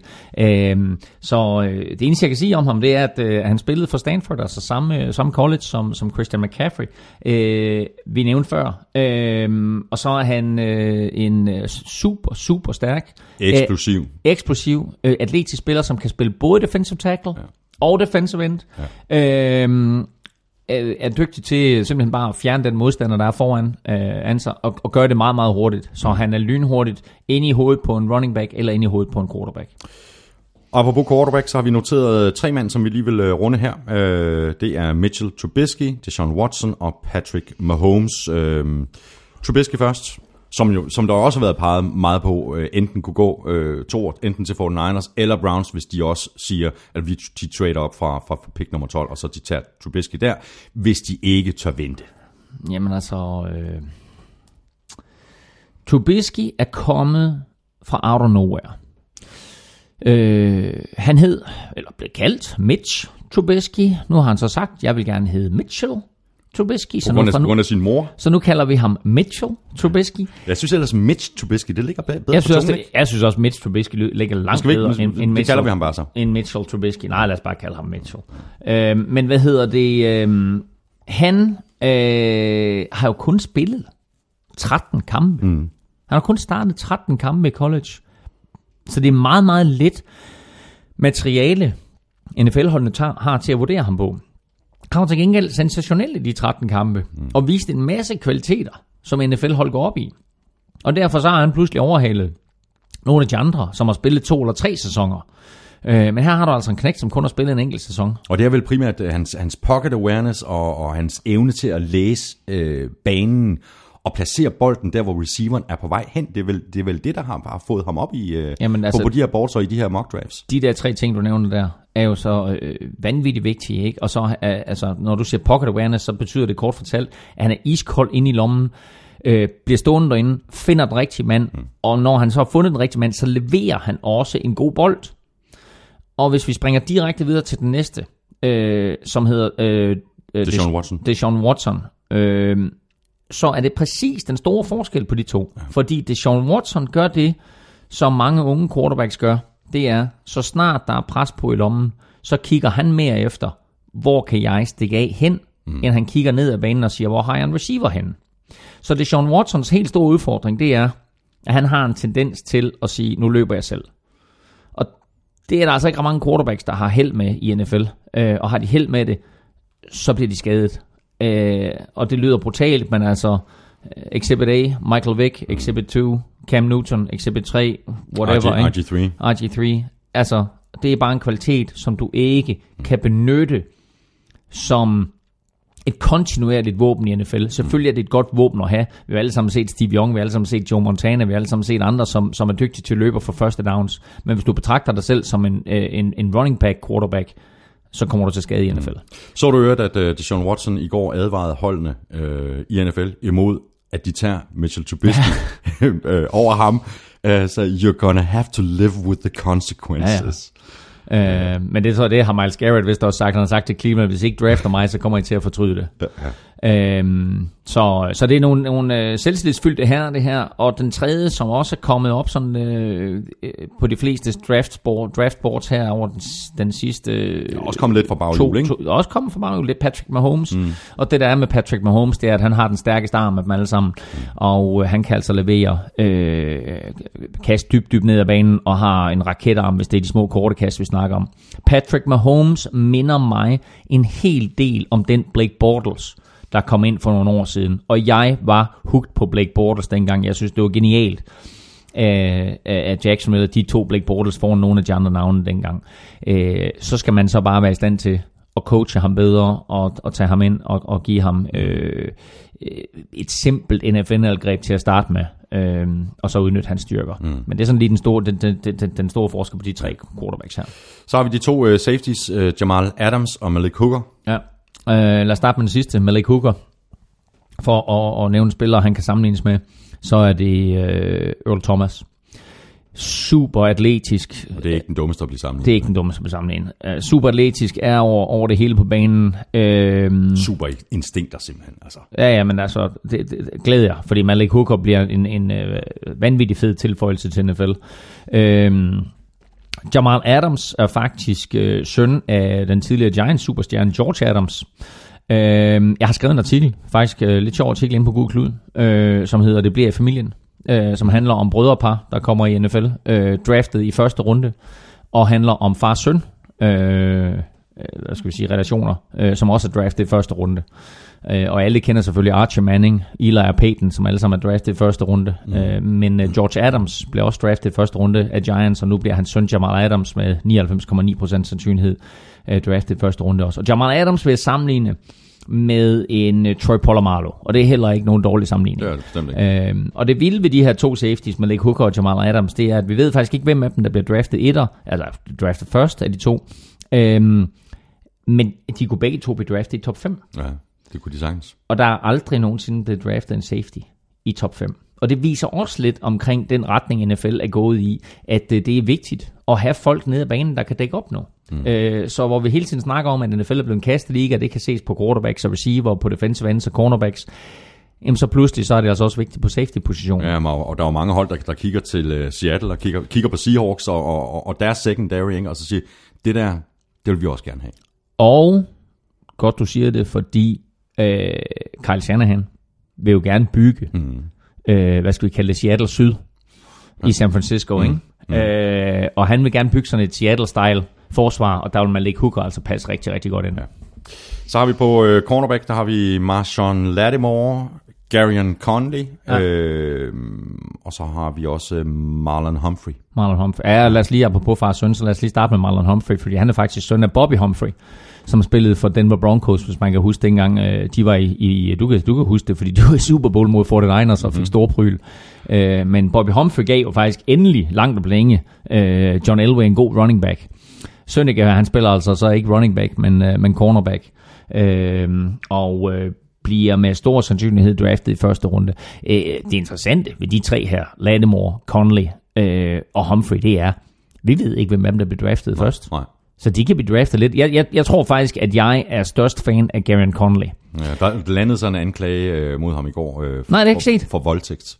What? Ja, så han, øh, han øh, dukker ikke op i, i Philadelphia. Så det er, det er rigtig dårligt timet. Nej, nej, nej, det har jeg slet ikke hørt. Ja. Nå, jamen det bliver ikke ham. Så, nej, altså, så det kan jo godt, altså, og det er jo sådan, der? jamen, jamen, lige præcis, hvad sker der? Men, og, og, det er jo alt for tidligt at sige, om, om, om det har noget på sig, om han, om han har gjort det, eller om det er en falsk anklage, eller sådan noget, men det er jo sådan, øh, det er to dage før, før, før draften, det er jo en katastrofe for ham, eller potentielt katastrofe i hvert fald. Det her, det er jo det her også, Jeremy Donnelly. Øh, lad os håbe, lad os håbe, at der ikke er noget i det. Ej, det er da en forfærdelig sag. Nå, ja. det har jeg slet ikke hørt. Øhm, nå, øh, Martin Lattimore nævnte vi. Super, super atlet. Spørgsmålet er, om han kan øh, tage det ind i NFL. Øh, Gary Conley, synes jeg, spillermæssigt øh, er bedre. Øh, kan hurtigere øh, omstille sig til, til, til college øh, foot, eller fra, fra college football til Han er NFL måske ikke så god mod løbet, altså han er ikke til at, til at få folk ned på jorden, vel? Nej, men altså, nej. Øh, og det er selvfølgelig en kvalitet, du selvfølgelig skal du kunne takle. Ja. Men Garen Conley er bare bedre mm. i, i opdækning, og jeg tror bare, at, at NFL-hold vil få nemmere ved at starte ham fra dag 1, end de vil med Latimore. Mm. På wide receiver, der har vi noteret Corey Davis, Mike Williams og John Ross. Uh, Corey Davis først. Liner op på både yder- og inderside. Kan det hele. Øh, Løber gode ruter. og, ja, og er hurtig. Mm. Øh, jeg vil sige, Mike Williams vil være den bedste receiver i, det her, i den her draft, hvis han var hurtig. Mike Williams minder mig utrolig meget om Laquan Treadwell, som Vikings draftede sidste år, hvor man sagde, "Men prøv at høre, han er stor, han er stærk, og han kan lave alle catches. Øh, det kan godt være, at han mangler lidt fart, men det er da ikke noget problem. Ja, han løber måske heller ikke så gode øh, ruter, men han går simpelthen op og tager bolden. Ikke? Ja. Øh, jo, jo, men, men det var præcis, altså nu nævnte jeg bare, nu nævnte jeg Laquan Treadwell, det det, man sagde om ham sidste år, og det er præcis det samme, man siger om Mike Williams i år. Mike Williams er en fantastisk våben, hvis man lægger bolden, så han kan gribe den, men du skal ikke bede ham om at sprinte fra et forsvar ned ad banen, for det er ikke det, han kan. Mm. Øhm, og derfor, så, hvis han havde hurtighed, så var han klart den, den øh, top receiveren øh, i, i år. Øhm, nu er det Corey Davis, og det er fordi Corey Davis har fart og størrelse. Mm. Øh, og så kan vi så sige, at den tredje spiller, det er John Ross. Han har fart, men ingen størrelse. Mm. Men han har til gengæld mega meget fart. Det var ham, som vi talte om, løb den her fuldstændig vanvittige 40 yard til Combine. 4.22, sat ny rekord. Øh, de prøvede, de kiggede på, skulle den justeres, skulle den ikke justeres, det skulle den ikke. Så øh, John Ross er altså manden, der har løbet den hurtigste 40 yard i Combines historie. Og øh, han bliver også draftet øh, med stor sandsynlighed i første runde. Og så er spørgsmålet, hvor han ryger hen, for det skal være til en quarterback, der har en, en øh, raketarm. Mm. Og jeg forudsagde i min, øh, i min mock draft, at... Så må jeg komme med et bud? Jeg kommer med det. Du får et bud. Ja. Er det ikke uh, Flacco, der skal kaste den? til? Præcis. Er godt, så er vi enige om det. Jeg sagde, at høre, de, øh, de sætter Flacco til at smide den der bombe der, ikke? Altså godt nok, så har de Mike Williams, men altså, jeg tror på, øh, jeg tror, jeg tror på, han, han, han bliver en god tilføjelse til Flaccos angreb. Så har vi også øh, nogle navne på running back. Øh, Leonard Fournette, Christian McCaffrey, Dalvin Cook, mm. Joe Mixon. Og ved du hvad? Undskyld. Ja, det, det skal du ikke sige undskyld for. Jeg tager også lige nogle, mm. for de smager godt. Nej, det er virkelig godt. Er du, du er mest på sticks i dag? Nå, undskyld. Øhm, ja. Leonard Fournette, vi nævnte ham før. Det er her års udgave af Ezekiel Elliott. Christian McCaffrey, det er her års udgave af LaShawn McCoy. Øhm, Dalvin Cook. Øhm, Hans stil bliver vel også sammenlignet med, med Le'Veon Bells. Altså, øh, jo, men, øh, altså Christian McCaffrey. Ja. I, ja, men ja, jo. Der er bare ikke nogen, prøv. Nej. Det kan man ikke. Le'Veon Bell er, er helt unik. Øhm, Dalvin Cook, øh, det er her års udgave af DeMarco Murray. Øhm, og så har vi nævnt de tre, og så er jeg nødt til at nævne Joe Mixon. Ja. Fordi Joe Mixon kan vise sig at være den bedste af de her fire. Men han har nogle lega- legal problems øh, uden for banen, som han stadigvæk slås lidt med. Og klubberne er lidt, lidt bange for at tage ham. Men igen, i min mock draft, øh, min prøvedraft, der havde jeg Green Bay Packers til at tage ham i første runde. Hmm. Øh, så Joe Mixon, hvis et NFL-hold tør tage chancen på ham, så kan han være den bedste af alle de her running backs. tight end, der har vi øh, to topprofiler. O.J. Howard og David Njoku. David Njoku, det lyder som et eller andet øh, fra Star Wars, gør det ikke? øhm, Et af de største øh, talenter på tight end bliver O.J. Howard øh, kaldt i mange år. ja, og nu ikke, ikke for det sådan, jeg skal blive ved med at sidde og plapre om min mock draft, men øh, her er min forudsigelse for første runde. Cleveland, øh, Cleveland Browns giver deres pick nummer 12 til New England Patriots for Garoppolo. Ah, okay. Vi er ude noget trade her. Okay, det, det er godt. Nå, Og- prøv, lige, og- prøv, lige, prøv, prøv, prøv lige at sige det igen, så, så skal jeg lige høre efter. Cleveland Browns Ja, giver deres pick nummer 12 ja. til New England Patriots for Jimmy Garoppolo, quarterbacken. Og Patriots vælger O.J. Howard. Interessant. Fiktivt, spekulation, mm. alt muligt. Mm. Men det er der, O.J. Howard han er. Han er helt deroppe. Han kunne være top 10 valg. Han er i hvert fald et top 20 valg. Øh, så han er helt sikkert i første runde. Nuku forventer jeg også går i første runde. Øh, der er mange faktisk, der tror, at Nuku kunne ryge til ja. New York Giants. Mm. Øh, så vil de altså få tre top receiver og en top tight end. Øh, og så en quarterback, vi ikke helt ved, hvor vi har henne. Og han er vel også en af de der spillere, man kan kalde upoleret, ikke? Fuldstændig. Han, han, øh, altså, Kæmpe, OJ, kæmpe potentiale, men upoleret. O.J. Howard træder direkte ind i en starterrolle et eller andet sted. Nuku øh, bliver formodentlig anden tight end et eller andet sted, og vil så med tiden overtage ja. første tight end. Men altså i Giants er der ikke rigtig nogen første tight end, så der vil han komme ind og kunne starte fra dag i dag. Så har vi lige en enkelt spiller på, på linebacker. Uh, J.J. Watts bror, TJ Watt, der jo yeah. tidligere har spillet tight ends. Outside linebacker, edge rusher, defensive end, kald ham hvad du vil. Men vi er nødt til lige at nævne TJ Watt. Og det er vi selvfølgelig, fordi øh, apropos det her med øh, brødre og fædrene ophav og så videre, så indgår TJ Watt selvfølgelig også i min artikel, om det bliver i familien. Mm. Fordi der er syv brødrepar i NFL's historie, som øh, er valgt, hvor begge brødre er valgt i første runde. Og bliver TJ Watt valgt i første runde, så bliver ham og JJ Watt altså øh, brødrepar nummer 8. Vi skal have quizzen! Åh. Yay! Lars Emil, det tog os øh, nøjagtigt øh, 1 time og 1 minut at nå hertil. Det det er perfekt. Det er perfekt. jeg når hjem til aftensmad. Nå, prøv at høre. I dagens anledning, der har jeg lavet to quizzer til dig. Det er fedt. Jamen, altså, åh. Jeg har også to quizzer til dig. Det skal Har du det? Ja, det til gengæld ikke mig selv, der har lavet dem. Nå, Jeg har okay, det har jeg okay, okay, okay. Jeg Prøv at høre. Ej, jeg glæder mig, jeg glæder mig, jeg glæder mig. Okay. Den første quiz. Yes. Vi går 10 år tilbage. Mm-hmm. Draften 2007. Ja. Oakland Raiders drafter med pick nummer 1, Jamarcus Russell. Ikke så godt. Når man går ind og kigger på vores draft parlør i NFL-magasinet, så står der Bust. en spiller, der aldrig... mega boss. En spiller, der aldrig levede op til sin høje draft-status. Og øh, der er øh, Exhibit 1, øh, Ryan Leaf, Exhibit 2, Jamarcus Russell. Ja. Nå, med pick nummer 2, der draftede Detroit Lions, og ikke skrive det her op. Med pick nummer 2, der draftede Detroit Lions, Megatron. Nice pick. Til. Nice pick. Med pick nummer 7, der draftede Minnesota Vikings, Adrian Peterson. Also a nice pick. Med pick nummer 11, der tog San Francisco 49ers. Kan du huske det? Nej. Patrick Willis. Også et godt pick. Også et godt pick. Men på picket efter, der draftede Buffalo Bills. Og hvem tog de? Bills draft i 2007. Can't do it. Jeg vil hjælpe dig så meget, som at det var en running back. Det var quiz nummer 1. Yes. Godt. Her kommer quiz nummer 2, og den her, den glæder jeg mig til. Og jeg vil sige til alle, at øh, man kan rent faktisk finde svaret øh, ved at gå ind øh, og læse den artikel, som jeg har skrevet omkring det her øh, på Gud Klud.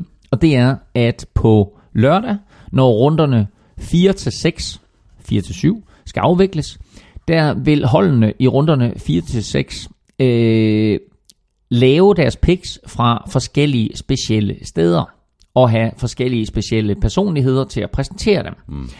Nogle få, jeg lige har valgt ud her, Arizona Cardinals, øh, de præsenterer et af deres picks, eller flere af deres picks, øh, direkte fra Grand Canyon.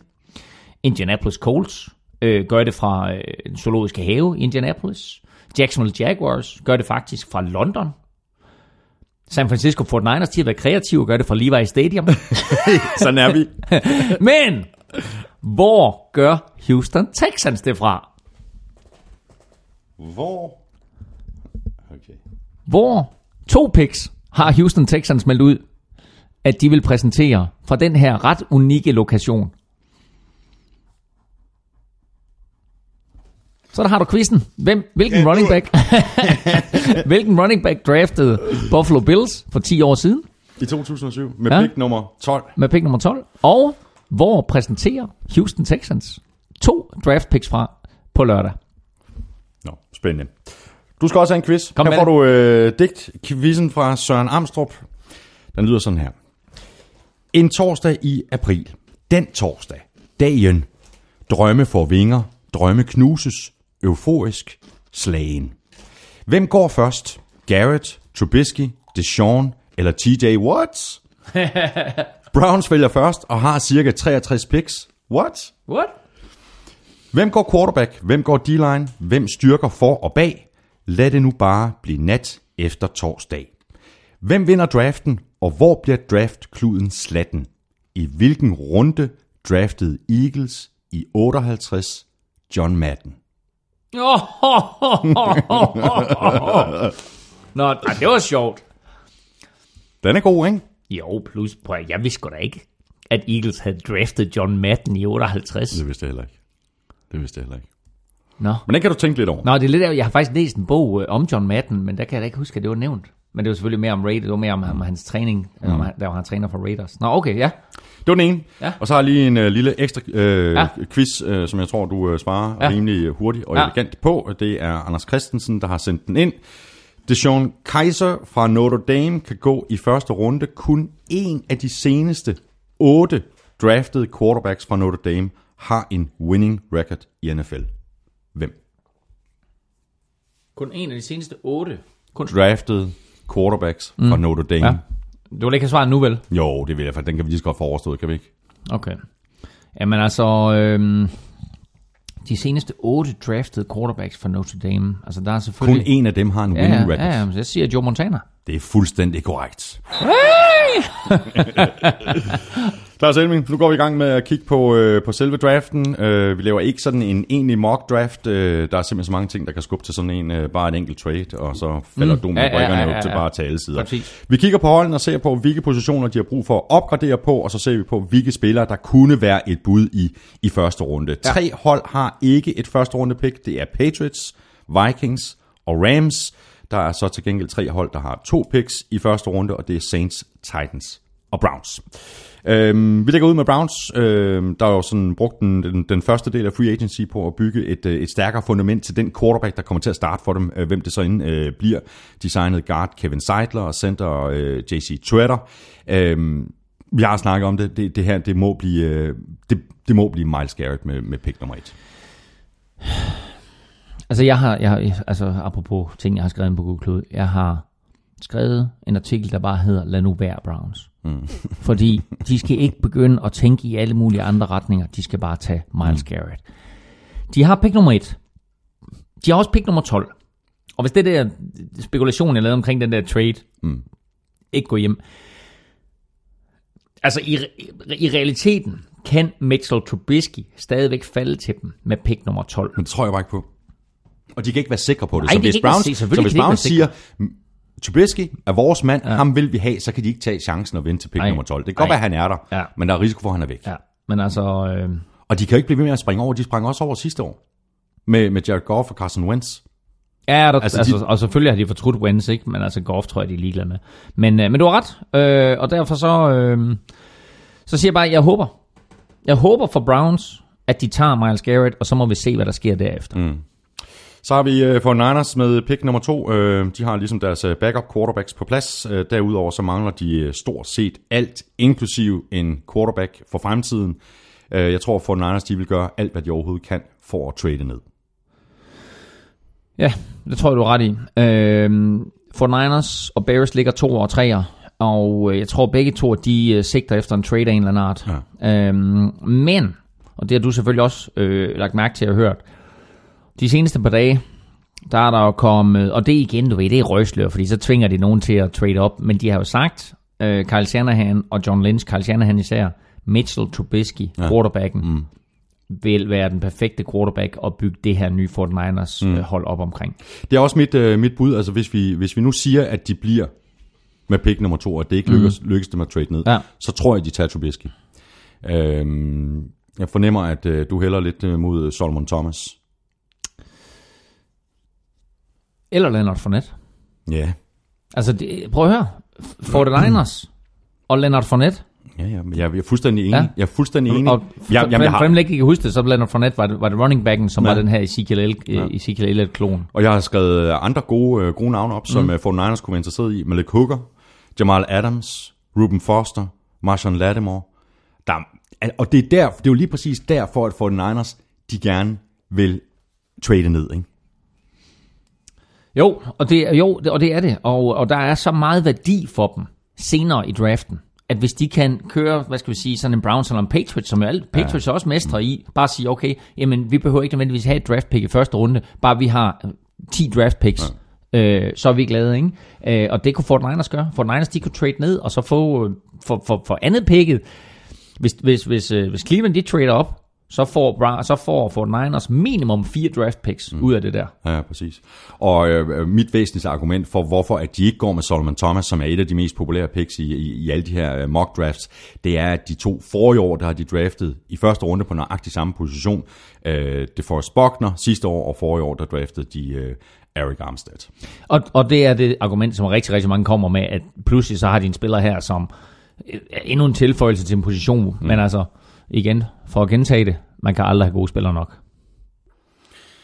Jeps, øh, Claus, så går vi øh, videre til øh, Chicago Bears som nummer tre. De The går Bears. ind i øh, år tre med øh, John Fox som head coach, og han har en record på 9-23, så vidt jeg husker, så et eller andet skal der til at ske i år.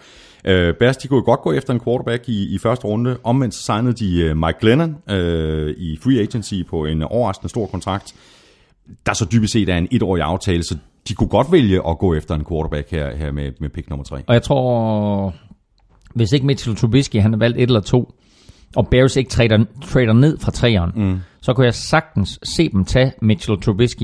Øhm, og grunden til det, du nævner selvfølgelig Mike Glennon, øh, men er perfekt situation for Trubisky at komme ind i. Han har kun spillet 13 college-kampe. Mm. Kommer han ind her, Mike Glennon kommer til at starte for, for Chicago Bears, uanset hvad. Øh, Chicago Bears har givet ham en toårig kontrakt på 32 millioner dollars, 16 millioner dollars om året. De kan cut ham efter første år, øh, og så kan Trubisky overtage, hvis det er det. Ja. Øh, eller de kan lade Mike Glennon spille, og spiller Mike Glennon godt, jamen, så har de fremtidens mand ja. siddende øh, i form af Mitchell Trubisky. Det er et rigtig godt bud. Øh, så øh, jeg kunne godt forestille mig, at Bears vil tage øh, Trubisky. Jeg er enig. Øh, det kunne være et øh, godt bud, øh, hvis han er der. Øh, som, som tre, og Solomon Thomas kunne også godt være et, et, et bud til Bears. Øh, ja, altså hvis Solomon Thomas ikke går et eller to, så, så, kunne, det, så kunne det selvfølgelig det. Øh, cornerback kunne også være, og altså hvis vi kigger på nogle af de to safeties, der er, Ja. altså Jamal Adams kunne give Bears øh, noget punch på det forsvar der, som de ikke har haft øh, siden Brian Urlacher. Øh, øh, og, og hvis vi lige kigger på Bears forsvar, bare lige kort, så er det faktisk på vej i den rigtige retning. De halter lidt på angrebet, det gør de også, fordi de ikke rigtig har nogen receiver, og de ved ikke helt, hvor de står på quarterback. Men deres forsvar er faktisk ved at være rigtig, rigtig slagkraftigt. Mm. Og tilføjer de Jamal Adams, så, øh, så synes jeg faktisk, de får en rigtig, rigtig fin punch. Helt enig. Jaguars øh, mangler, sådan som jeg ser det, øh, en tight end, og især en, øh, en sådan rigtig workhorse øh, mm. running back, mm. øh, som kan gøre det noget nemmere for Blake Bortles at være, være, være quarterback. Øh, O-line kunne også godt være en position, de kunne kigge på tidligt i draften, ligesom det heller ikke er udelukket, at de opgraderer på den, på den defensive front.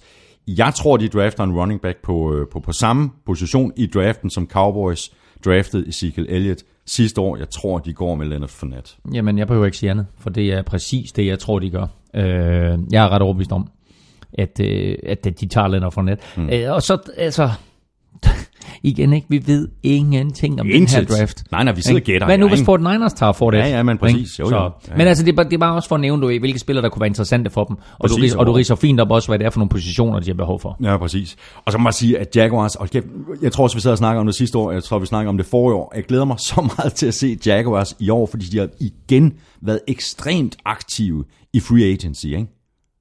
Nu snakker vi om, at Bears forsvar var slagkraftigt og på vej i den rigtige retning. Jeg vil våge den påstand, at der er ikke noget forsvar i NFL, der på papiret har bedre navne og er stærkere end Jacksonville Jaguars forsvar. Nu skal du få de der spillere til at spille sammen. Ja. Men altså, de opgraderinger, de henter Calais Campbell ind, øh, de henter safety ind fra, fra, fra AJ Cowboys, Bowie. øh, Church, hvad hedder han, Barry Church ind fra ja. Cowboys, og de henter AJ Bowie, cornerback. Ikke? Så Jalen Ramsey på den ene corner, og AJ Bowie på den anden corner. Vis mig et forsvar i NFL, der har en bedre duo, Ja. og en bedre ung duo. Ja, ja, præcis. Jeg læste et sted, at uh, Jaguars de har brugt 172 millioner dollar på kontrakter i free agency i år. Ja, og det kan du så gange med to, for det gjorde de også sidste år. Ja, Ja. præcis. Så de har brugt øh, et par milliarder her, ja. og hvis ikke mere. Så er vi øh, på øh, position nummer 5, øh, Titans, øh, der signede safety Jonathan Cyprian og cornerback mm. Logan Ryan i free agency. Til gengæld så lod de Jason McCourty gå i, øh, i sidste uge. Titans har to store needs, sådan som jeg ser det. Det er på cornerback, og det er på wide receiver. Øh, Marcus Mariota skal have en outside playmaker, som, mm. som han kan regne med, og så, så mangler de så også noget på deres øh, front seven. Men jeg, men jeg tror, ej, jeg ved ikke, jeg tror, de går cornerback i første runde. Mm. Øh, men nu siger du første runde, fordi de har pick nummer 5, og de har pick nummer 18. Mm. Og pick nummer 18, det er deres eget pick. Det her pick nummer 5, det er jo det, de har fra Los Angeles Rams, for den trade, de indgik sidste år med, øh, for Jared Goff, ikke? Ja. Og de har bare siddet og knedet sig i hænderne og tænkt, "Eh, bare tag nogle flere kampe, Rams. Ikke? Ja, ja. Fordi Rams ender jo med egentlig at skal trade femmer. De klarer sig så dårligt, så de har egentlig det femte pick i draften. Mm. Men på grund af den trade sidste år, som gav det her års første runde pick til Titans, så er det pludselig Titans valg. Så Titans er jo lykkelige. De har pick nummer 5 og pick nummer 18, og de kan få en rigtig, rigtig god spiller med pick nummer 18. Pick nummer 5, du siger corner. Jeg tror, de går med Lattimore. Øh, det kunne de godt. Hvis nu vi snakker om receiver, mm. de kunne også tage Corey Davis. Det kunne de sagtens. Så øh, receiver eller corner, et eller andet. Enten en til at kaste til, eller en til at dække op for kast. Mm. Er det der, vi er? Jeps, Ja. det er lige præcis. Så har vi øh, New York Jets, øh, der har pick nummer 6. De er rigtig godt i gang med at øh, rebuilde. De har released Nick Mangold, Brandon Marshall, Darrell Reeves, øh, Ryan Clady. Øh, og så har deres øh, salary cap situation så forhindret dem i sådan for alvor at, øh, at signe afløser for, for de der spillere. Mm-hmm. Øhm, left tackle, Kelvin Beecham, cornerback, Morris Claiborne, quarterback Josh McCown, det er, det er midlertidige løsninger. De skal drafte, de skal drafte godt, de mangler stort set alt. Quarterback, left tackle, pass rush, tight end, running back og cornerback.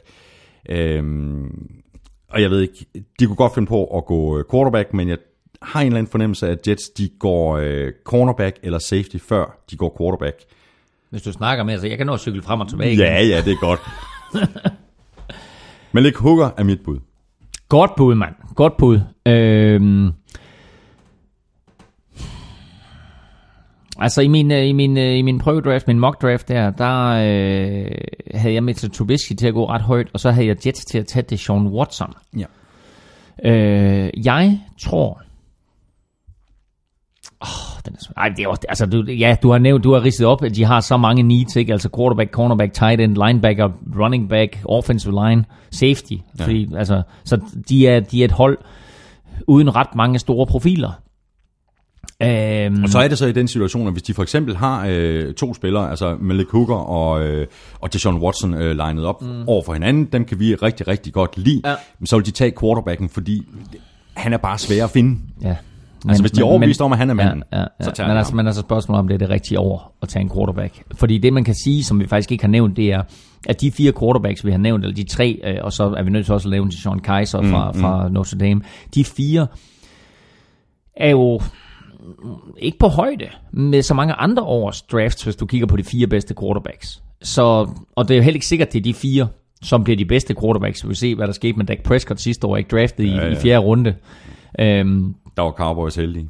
De havde gjort alt, hvad de kunne for, for at trade op, for få fat i nogle andre quarterbacks. Ja, det missede Ja, de, og så, nå, men så tager vi Dak. Ja, præcis. Øhm, så, så der var de heldige, at de havde meldt ud, at der var andre quarterbacks, øh, som øh, blandt, blandt andet jo Paxton Lynch fra mm. Denver Broncos, som de hellere ville have haft. Men øh, øh, nu bliver det så spændende at se, om Dak Prescott han er lige så god i sin anden sæson. Det er ja. før set, Ja. at man får sådan en sophomore slump. Men jeg synes, han havde nogle kvaliteter sidste år, Dak Prescott, der gør, at, at man tror på, at han kan holde det ved lige. Øh, jeg kommer med et hurtigt bud, og det er, at de tager Deshaun Watson. Også godt. Jets, bud. altså, vil jeg mærke. Ja. Så er vi nået til øh, Los Angeles Chargers, der har fået helt ny coaching staff, øh, samtidig med, at de har lavet det tidligere første rundevalg, øh, DJ Fluker og left tackle King Dunlap gå og signet Russell Okun til at passe på øh, Philip Rivers blindside. Øhm, som jeg ser det, så mangler Chargers noget på outside linebacker, wide receiver, tackle og guard. De kunne også godt adressere quarterback som en erstatning for, for Rivers, Rivers i løbet af nogle år. Øh, øh, lidt ala, ala, ala det, vi så i Packers for nogle år siden. Øhm, og så igen, så har jeg... øh, hvis jeg, hvis jeg kommer med bud, så går de safety i første runde, så tager de Jamal Adams. Jamen, øh, jamen det er dejligt. Øh, det vi snakkede om så meget sidste år, det var jo alle de her skader, som Chargers de var ramt af. Ja.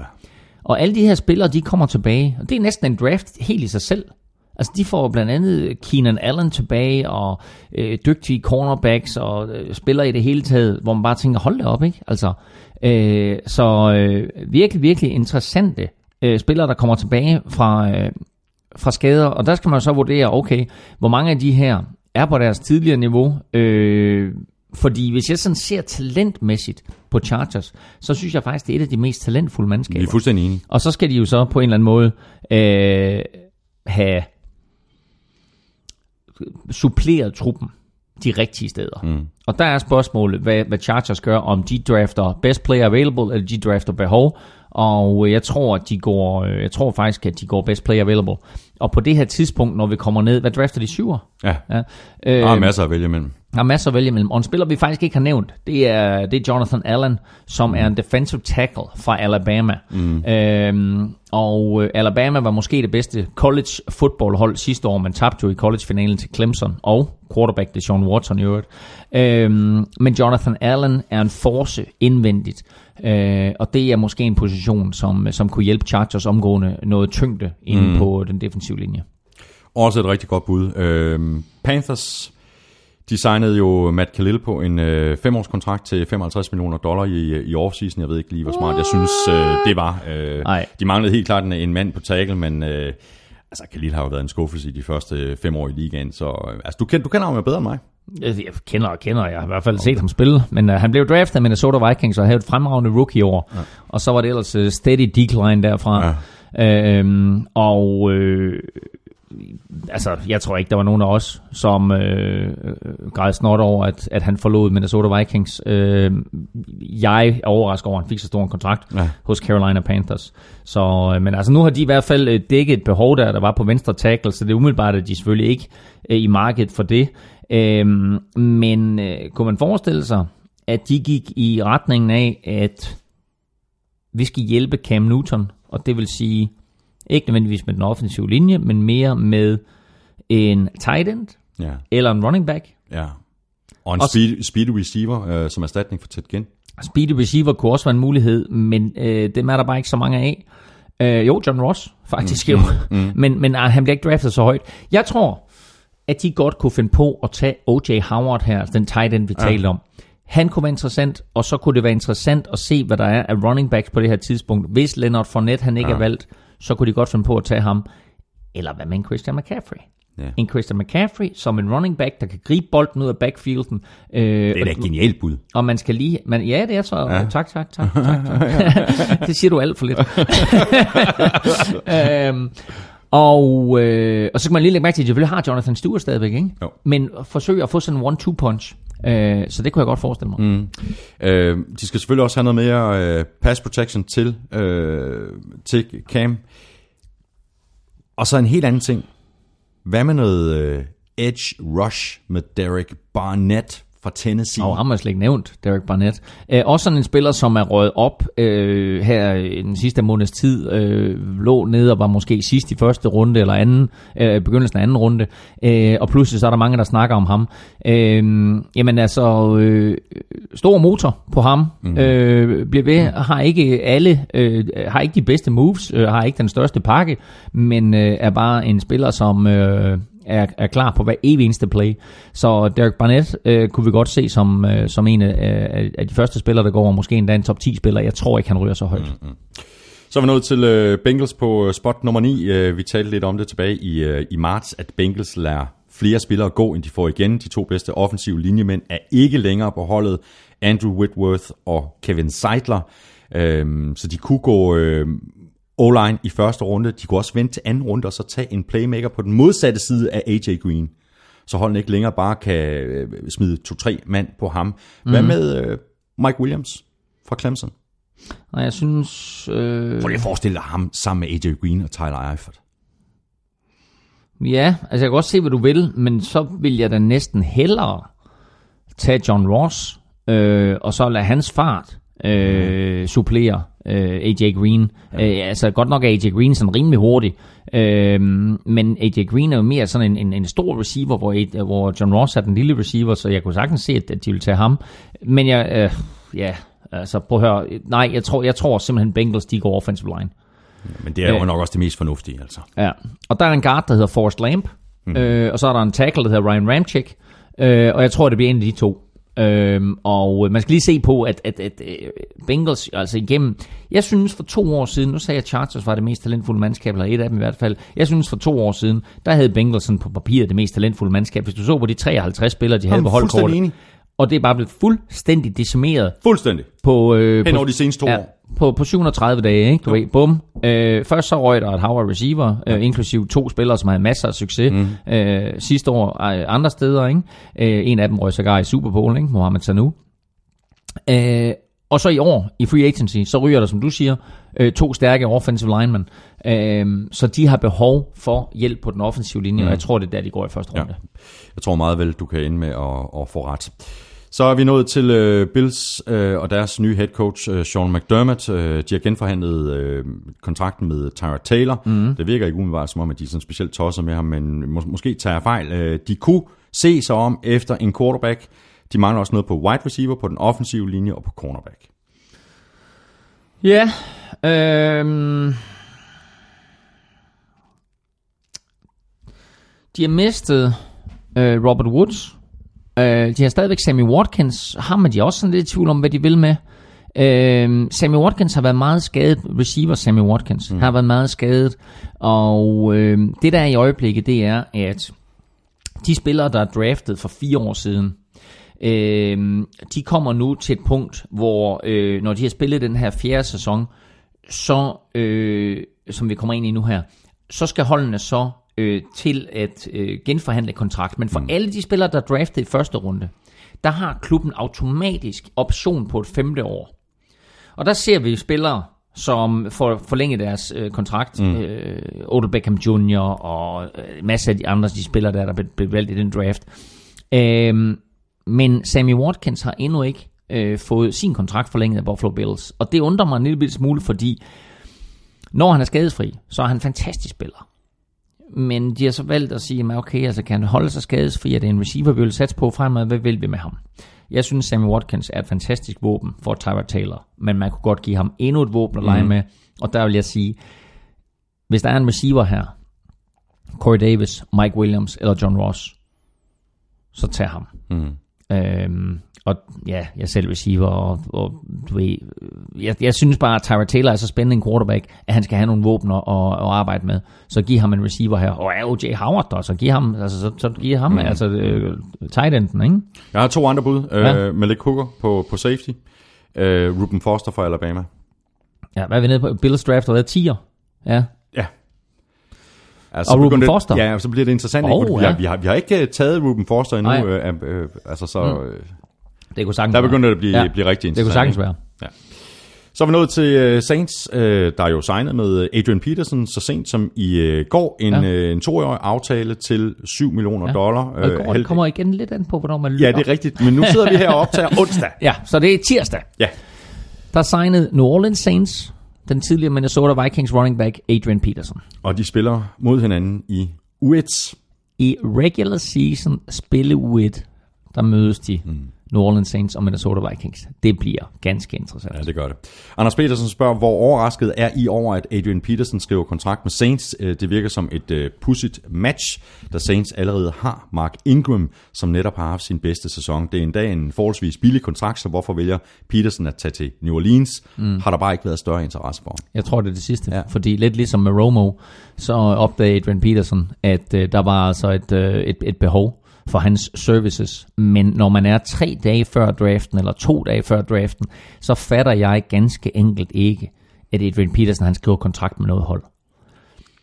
Altså, han skulle have haft øh, is i blodet, og så bare sagt, okay, jeg lader draften gå, og jeg lader nogle minicamps gå, og, jeg lader, og så er der nogle hold, der opdager, vi mangler en running back. Ja. Så det her med at signe to dage før, og så signe til en lav kontrakt med New Orleans Saints, som i forvejen har Mark Ingram, det giver ingen mening for mig med hensyn til Adrian Peterson. Det giver fin mening for New Orleans Saints, som får en power running back, der kan supplere Mark Ingram. For peanuts. For Peanuts, det er helt genialt, men for Adrian Peterson, der forstår jeg det ikke. Saints de har to picks i øh, første runde. De kunne meget vælge, vel, vælge en spiller til defensiv og til offensiv med de her to første picks. Mm. Spørgsmålet er bare, i hvilken rækkefølge det sker. De traded jo øh, Brandon Cooks til Patriots, mm. så man kunne godt formode, at de har kigget på en erstatning for ham. Jeg tror, de går defensivt først. Øh, det kunne blive på det her tidspunkt i draften defensive end Jonathan Allen fra Alabama. Mm. Jeg tror, jeg sendte Derek Barnett til Panthers. Har du- Øh, du har simpelthen lavet sådan en liste, så du holder øje med? Også, ja, Ja. ja, jeg prøver sådan ligesom, jeg prøver at holde styr på det, ikke? Nå, jeg sidder bare og slynger navne Ja, ja, ja. ikke, du ja. Du, har, du, du, har, du, har, du har slet ikke skrevet noget op. Ej, det er ikke det, jeg mener, du ved. Du mener, jeg sidder bare og om, du ved, altså. Men du har simpelthen været så struktureret, at du har lavet en hel liste. Ja, ja, fordi ellers løber du løb, så bliver vi ved med at tage de samme spillere. Ja, godt. øh, jamen det interessante er jo, at Saints og Patriots jo har været i forhandlinger, øh, eller i hvert fald samtaler øh, omkring Malcolm Butler. Og øh, så kommer der sådan en fuldstændig tvetydig melding, der hedder, at Saints og Malcolm Butler er enige om kontraktforholdene, men Saints ikke ønsker at trade med Patriots for Malcolm Butler. Så ser jeg, jeg, jeg, jeg læste den der fire gange, så tænker jeg, det, det, det giver ingen mening. Ikke? Så de er åbenbart enige om, hvordan kontrakt skal skrues sammen, men Saints gider angiveligt ikke at trade for ham. Øhm, så lige nu, der er Malcolm Butler, Patriots-spiller, på en billig kontrakt. Patriots er lykkelige. Saints, nå, ja, du ved, hvis vi skal have øh, Malcolm Butler, så skal vi give ham mange penge, for det er det, han ønsker. Mm. Øhm, så lige nu, øh, der er Patriots glade, Saints er lidt ligeglade, og Malcolm Butler, Butler er ikke så glad, han er pissur. som han har Øhm, været længe ja. efterhånden, ikke?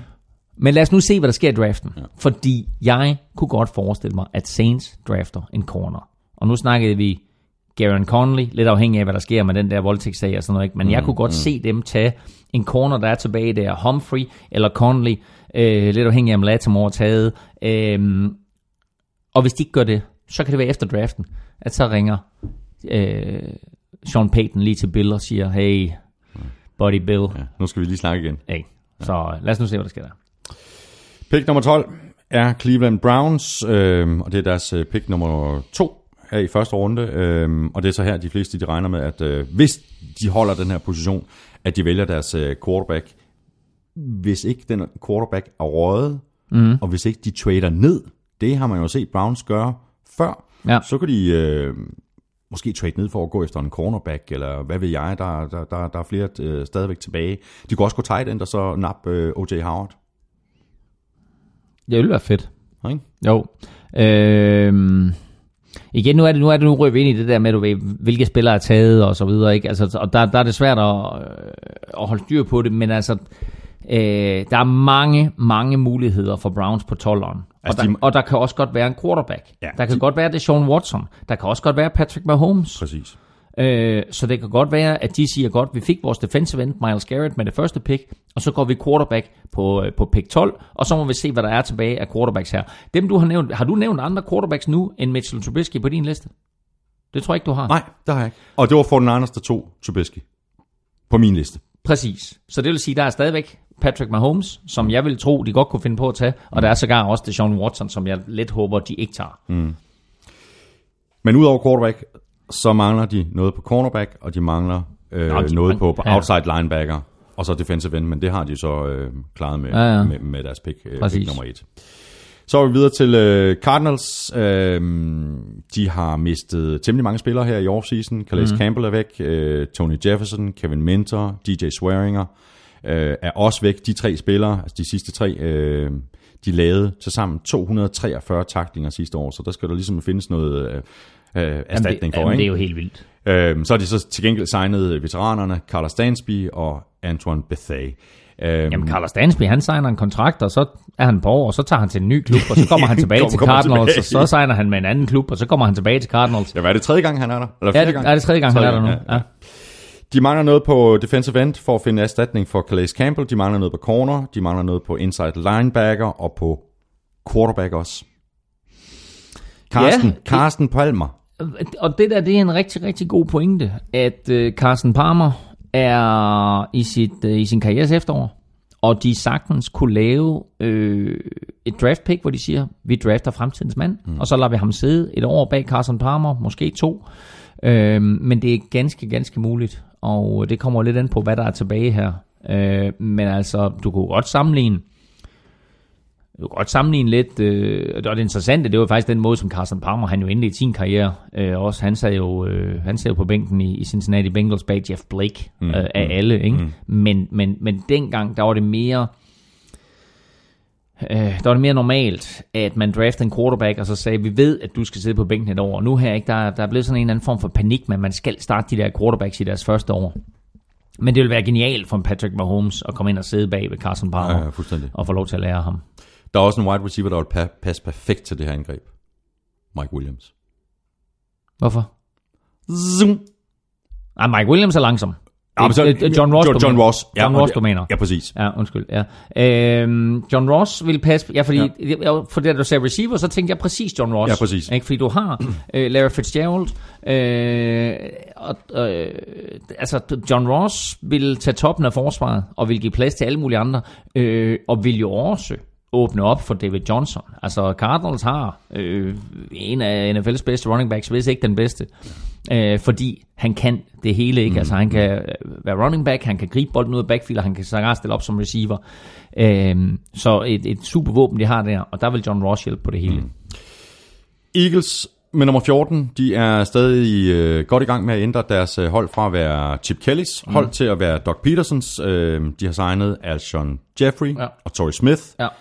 Og dermed har øh, Carson Wentz i hvert fald øh, et par, par solide øh, mål at kaste bolden Ja. til. Som jeg ser det, så er det mest oplagt for Eagles at gå efter en corner, eller måske running back, Christian McCaffrey, mm. øh, i første runde. Øh, jeg hælder lidt til, at de går corner. Øh, kunne Ja. være Gary Conley, ja. øh, hvis han ikke er røget allerede. Ja. Eller måske Humphrey fra, fra Alabama, er det ikke der, han kommer fra? Jo. Jo, jo, jo. Øh, hvad hedder det? Øh, interessant. Øh, så øh, nævnte vi ikke lige med, med, med pick nummer 12 på Cleveland, at det jo rent faktisk er Philadelphia's pick. Mm, mm. Det er fra traden sidste år for Carson Wentz. Ja. Det her pick, nummer 14, det er jo sådan set Minnesota Vikings pick. Og det er for den handel kort inden sæsonen, øh, som sendte Sam Bradford, quarterbacken, fra Eagles til Vikings, fordi øh, Teddy Bridgewater blev skadet. Øhm, så det her, det er, det, det er et første runde pick, som Eagles jo egentlig ikke havde, men så har fået på den her Sam Bradford-handel. Øhm, og øh, de har en åbenlyst mangel, der hedder cornerback, men, og ikke at det kommer til at få nogen indflydelse på deres pick. Draften bliver jo holdt i Philadelphia i år. Og der kommer til at sidde et par tusind rabiate Eagles-fans, som kommer til at sidde og råbe på en receiver, øh, eller en running back, øh, et eller andet, ikke? Nogen, som skal røre bolden. Ja. Så et meget upopulært valg vil være offensive line. Så vil du høre hjemmepublikummet bue Der er jo ikke nogen, der synes, det er fedt, når man går O-line i første runde. Det er der ikke nogen, der synes, ikke der er fedt. Nej. Øh, det er nødvendig, ikke nødvendigvis heller ikke der, de har det, det, det, det største behov. Mm. Øh, men jeg kunne godt forestille mig, præcis som du siger, at de tager en corner.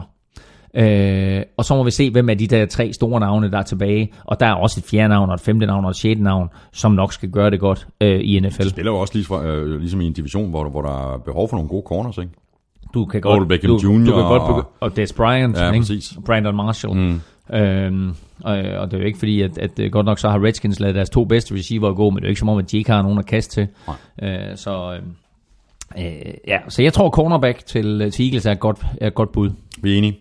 Så har vi uh, Jamen, jeg, Colts. jeg, jeg, jeg var enig med dig. Jeg, jeg videreførte bare, hvad du sagde. ja, jamen, jeg er så glad for, at vi er Ja. uanset hvilken vej det går. Præcis. Øhm, så har vi Colts, øh, der har sagt øh, farvel til Ryan Grigson som øh, GM, så nu kan det kun øh, gå fremad øh, med øh, Chris Ballard, der blandt andet valgte at øh, signe defensive tackle Jonathan Hankins, og i det hele taget øh, er godt i gang med at gøre holdet yngre og mere øh, atletisk pass rusher, opgraderet med Jabal Sheard, John Simon og Barkavicius. Barkavius. Hvad hedder han? Barkavicius, Mingo.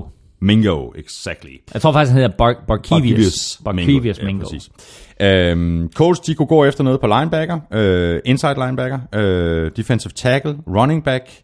Øh, så synes jeg, det er oplagt at, øh, at opgradere den offensive linje med noget mere beskyttelse til Andrew Luck, øh, så han ikke får så mange tisk.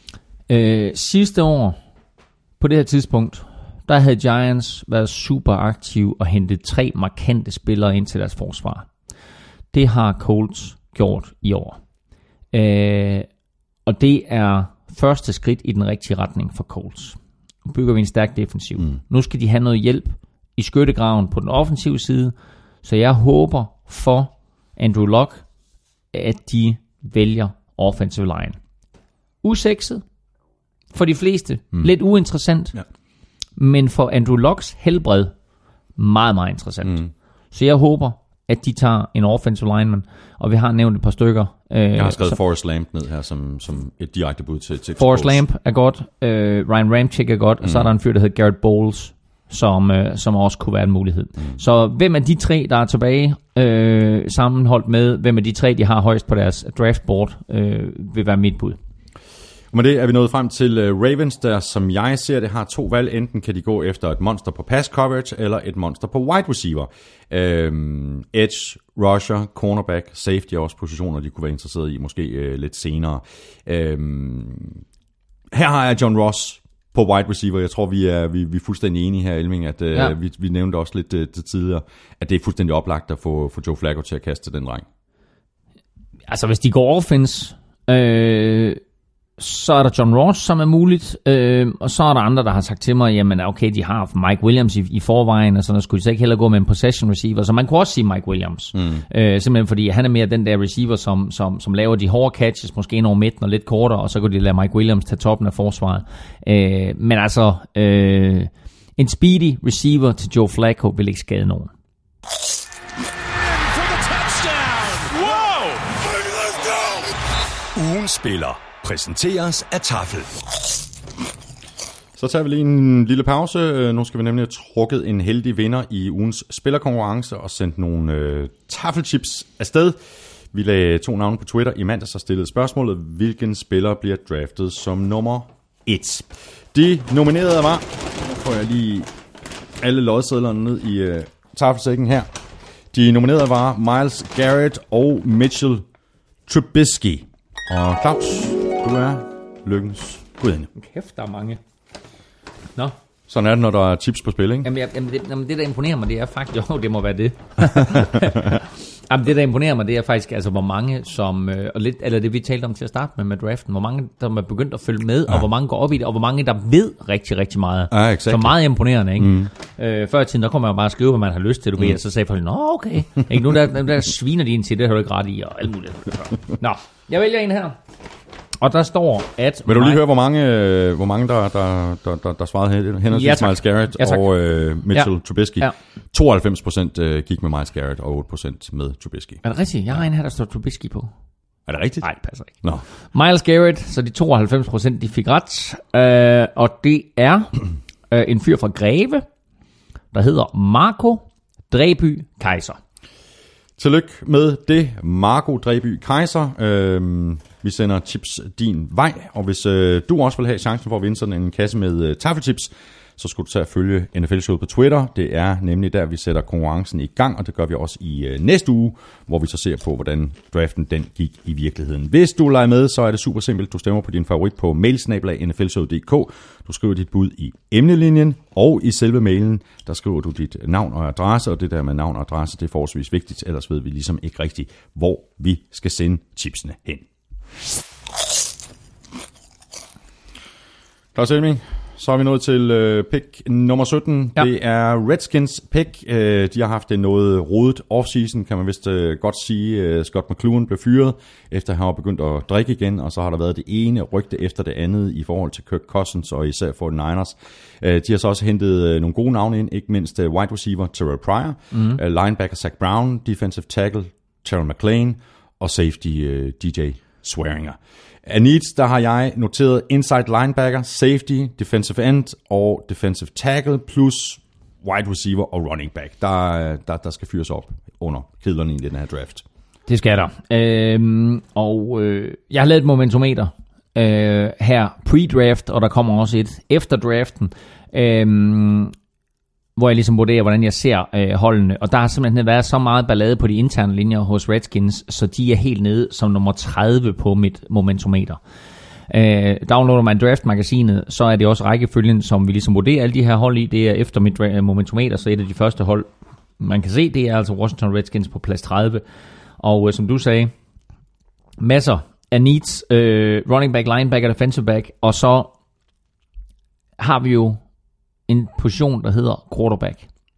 Hvad sker der med Kirk Cousins? Mm. Hvad sker der i draften her? Hvis 49ers ikke får en quarterback i draften, bliver de her forhandlinger om Kirk Cousins fra Redskins til 49ers så genoptaget? Det tror jeg ikke, de gør. Nej, men jeg siger Fordi, bare, altså hvis, øh, hvis øh, Kirk Cousins ikke øh, skriver under på en lang kontrakt, mm. så tror jeg, der er øh, en, der hedder John Lynch, mm.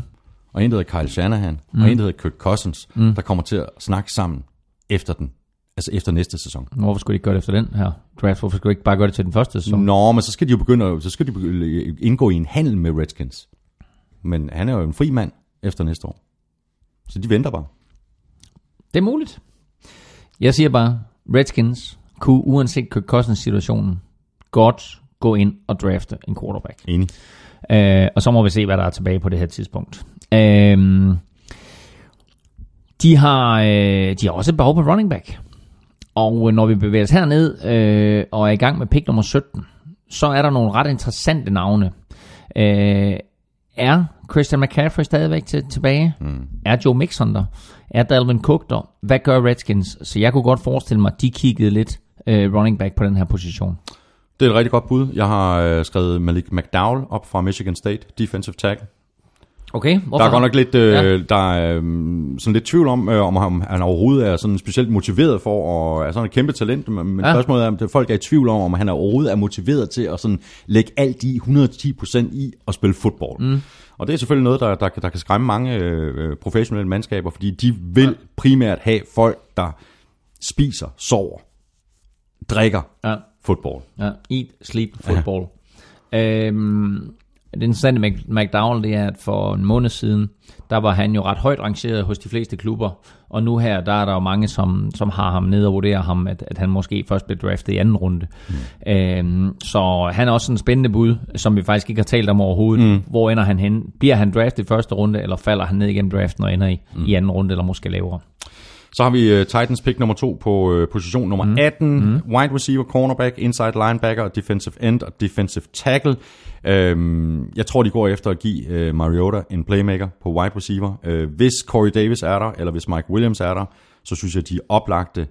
Øhm, ligesom John Ross også. Mm. Men, øh, men altså, øh, nu spekulerede jeg jo lidt i, at de måske tog Corey Davis helt op på femmeren. Ja. Hvis de går i en anden retning, så kan det godt være, at de går receiver her. Øh, Titans er et, et rigtig, rigtig spændende hold. Det er det bare. Øhm, og øhm, altså de har Delaney Walker på tight end, men kunne man forestille sig, at de gik med O.J. Howard eller Newco der, som vi talte om, øh, det er også en mulighed. Så øh, de har to picks, 5 og 18, og det er bare to rigtig, rigtig øh, gode picks, øh, som de får rigtig, rigtig meget ud af. Der er masser af talent i den her draft, Ja. og det drejer sig altså bare om at ramme rigtigt, især når man har to picks. Buccaneers øh, med øh, pick nummer 19, de er rigtig godt i gang med at køre sig i stilling som, som udfordrer til Falcons, og hvis Falcons de har de mindste tømmermænd efter Super Bowl nederlaget, så kunne det sagtens øh, ske i år. Øhm, de har James Winston på plads, de har Mike Evans på plads. Mm. Running back kunne måske være et øh, bud. Øhm, jeg havde faktisk en fornemmelse af, at de ville øh, signe Adrian Peterson, at de kunne være interesseret i det, men øh, Jamen, der, jeg tror også, at altså, der var jo mange rygter fremme. Altså, Patriots var nævnt, og Giants var nævnt, og Raiders var sågar nævnt, øh, og øh, øh, Bucks øh, var nævnt, og så kom Saints lige pludselig ind over det hele og, og, og nappede ham. Øh, men, øh, men Bucks er et øh, Bucks er et hold, som har opgraderet virkelig, virkelig øh, positivt her i, i, offseason, øh, og har fået fat i, i blandt andet øh, Deshaun Jackson, mm. øh, receiver for Redskins, som giver øh, James Winston en speed receiver. Kombinationen af Deshaun Jackson og Mike Evans er altså rigtig, rigtig fornem. Øhm, og så hjalp de deres forsvar ved at hive øh, Chris Baker ind, øh, defensive lineman, også fra Washington, Washington Redskins, og så øh, safetyen J.J. Wilcox fra, fra Dallas Cowboys. Ja, som øh, står sammen med Keith Tandy. Den, den her duo her, ikke? Så det er heller ikke helt, det er heller ikke helt tosset på, på, safety. Ja, det, det, det, det er så fint. Øhm, men altså, de kunne stadigvæk godt øh, gå ind og drafte en safety. Og lidt afhængig af, hvad der er her, øh, øh, når de drafter hernede, så øh, er der en, en, en lidt interessant spiller, som øh, vi nogle gange har haft lidt svært ved at udtale hans navn, men sådan en spiller som øh, Obi Melifonwu, mm. som er safety og spillet på hold med Andreas Knappe på University of Connecticut øh, kunne godt øh, være her. Øh, han er også en spiller, som ligger sådan i slutningen af første runde, måske i begyndelsen af anden, øh, men der er måske et hold, som, som tager en chance på, på ham højt. Så er vi nået til øh, Broncos, øh, der jo har skiftet ud på head coach, efter at øh, Gary Kubiak øh, forlod Danmark på grund af helbredsproblemer. Vance Joseph er den nye mand, og øh, GM John Elway har brugt free agency på at opgradere i skyttegravene på begge sider af bolden. Guard Ronald Leary, right tackle Menelik Watson på offensiven, og på defensiven der sikrer øh, Zach Kerr og Domata Pico noget mere fysik. To spørgsmål melder sig, Claus. Mm. Hvem starter på quarterback? Ja. Hvem beskytter blindside? Jamen, øh, lige nu ser det ud til, at Trevor Simeon starter på quarterback. Og det er jo, øh, det er jo aldrig fedt øh, at have draftet en quarterback i første runde sidste år. Og øh, så er der nærmest øh, ingen rygter, ingen historier, ingenting om ham. Nej. Øh, på det her tidspunkt af sæsonen. Uh, Paxton Lynch ser godt ud. Uh, Paxton Lynch lavede sådan der. Uh, Paxton Lynch gjorde sådan. Der er ikke en skid. Du hører nej, intet om nej, ham. nej. Så Trevor Simeon lige nu, tidligere 6. runde pick, samme runde som Tom Brady, John Brady, er altså der startende quarterback. Øhm, Broncos vil elske, hvis Christian McCaffrey er der. Christian Også McCaffrey, et perfekt match. Christian McCaffrey tidligere, eller er søn af tidligere Broncos receiver Ed McCaffrey. Hvis han er der, så vil de tage ham. Hvis han er der efter, lad os sige, pick 14-15-agtigt, måske endda tidligere, så kunne de godt finde på at trade op mm. for at få fat i ham. Godt match, god historie, god ven af John Elway, øhm, så øh, det, det ville slet ikke være muligt. Elway har jo kendt Christian McCaffrey, ja, siden han var ja. ganske, ganske ung. Men der er en anden god historie, som, øh, som kunne øh, blive til virkelighed for Denver Broncos, mm. og det er, hvis de, hvis de øh, drafter til O-line Garrett Bowles fra Utah. Ja, Det er da en god historie med ham. Han var væk øh, fra fodbold i, i, i et par år. Han var, der lavede vist lidt øh, ballade og så videre, og så tror jeg, han stod i en købmandsforretning eller et eller andet øh, i, i et par år, før han så vendte tilbage i et, i et, i et mindre program, før at de, at de store skoler så virkelig fik øje på ham. han var lignagtig, som du siger, øh, i high school, lidt en ballademager, var ude af fodbold i to år, øh, fik på en eller anden måde kigget ind i sig selv og sagde, nej, der skal ske noget her. Mm. Og så, øh, så hæver han sig op for hårrødderne og begynder at spille fodbold igen. Og nu står han, Garrett Bowles her, og kan blive et første runde draft pick. Det er en fed historie, mm. og jo skærende kontrast til det, vi talte om med Aaron Hernandez tidligere. Ja, præcis. Så har vi Lions på pick nummer 21. De signede right tackle Ricky Wagner og guard TJ Lang på den offensive linje i free agency. Til gengæld så mistede de så Riley Reef og øh, Larry Warford. Øhm, Anits, der har jeg skrevet linebacker, defensive end, cornerback, safety og wide receiver. Øhm, Tim Williams, edge rusher fra Alabama, kunne være et bud. Øh, lynende hurtigt, jeg kan godt minde lidt sådan om Hvor kommer han lige pludselig fra? Han kommer fra, øh, fra, øh, fra, fra alle mine små pil, pil, pillerier og, og, og, og, og surferi på nettet. Øhm, der er faktisk, der er faktisk måske, ikke nej, men en måske, tanke. nej, men måske, måske er der en grund til, at du ikke har spottet ham. Mm. Øh, han blev jo taget i, i, med en pistol tilbage i september måned, og der tror jeg, han har rutset lidt, mm. øh, og så har han vist også haft lidt problemer med en enkelt drugtest. Jamen, sender bare ham til Lions. Det er sgu fint med mig. Nå, ja. Altså prøv at høre, de har behov, de har virkelig behov for hjælp på forsvaret. De har opgraderet så godt på angreb. Jeg kan også godt se dem draft en running back. Jeg synes, de mangler en running back. Øhm, men de har virkelig behov på forsvaret. Lions er altså meget, meget tæt på at være virkelig, virkelig godt fodboldmand, mm. øh, fodboldhold. Mm. Øh, de har en god quarterback, de har nogle gode receiver. Ja i, de har- særdeleshed, i, i særdeleshed offensiven, ikke? De har, det er jo det, jeg er i gang med at sige for pokker. Okay, så spiser jeg bare nogle Ja. chips i mellemtiden. De er så gode på angrebet, men de mangler forsvar. Så det vi er ude i lige nu, det er, at øh, Lions de skal score 30 point som minimum for at vinde kampe. Ja. Hvis nu de kan få noget hjælp på forsvar, så vil det her blive et ret slagkraftigt mandskab. Så en eller anden fyr, som du har fundet på nettet, øh, men det kunne også være en Ruben Foster. Det kunne også være en Derek Barnett, som du har nævnt tidligere. Øh, en eller anden af de her Zach Cunningham. Zach Cunningham har vi slet ikke nævnt linebacker. Han, altså vi har faktisk slet ikke nævnt Zach Cunningham. Mm. Han kunne faktisk godt være ret interessant. Mm-hmm. Har man Så- også fundet på nettet. Har du det? men, men han kunne faktisk være ret interessant. Mm. Øhm, og jeg tror faktisk, øh, nu har der været meget snak om, øh, om Ruben Forster og, og, og hvad der sker efter hans øh, drugtest her. Zach Cunningham kan godt ryge op øh, og blive taget tidligt. Øh, god spiller, sikker takler, øh, læser spillet rigtig, rigtig godt, øh, og har øh, ikke ballade uden for banen. Mm. Øh, men, men forsvarshjælp, vil jeg sige, vil være det væsentligste for, øh, for Lions lige nu. Så har vi Dolphins øh, med pick nummer 22. Øh, de skal nok gå efter at øh, opgradere deres pass defense. Øh, også oplagt med guard og offensive tackle, Mm. Linebacker, Mm. defensive end. Keep talking. Øhm. Hvad med en cornerback? Er det ikke her, at øh, Jabril Peppers kommer ind i billedet? Pick nummer 22. Jeg tror ikke, han ryger helt ud af første runde. Åh, oh, men Jabril Peppers kommer ikke til at spille cornerback. Altså, hvis han kommer til at spille noget i NFL... Ah, kom- safety, safety, Ja. safety, safety selvfølgelig. Ja. Øh, jo, Jabril Peppers kunne godt øh, komme til at komme til at, at spille safety for, for Miami.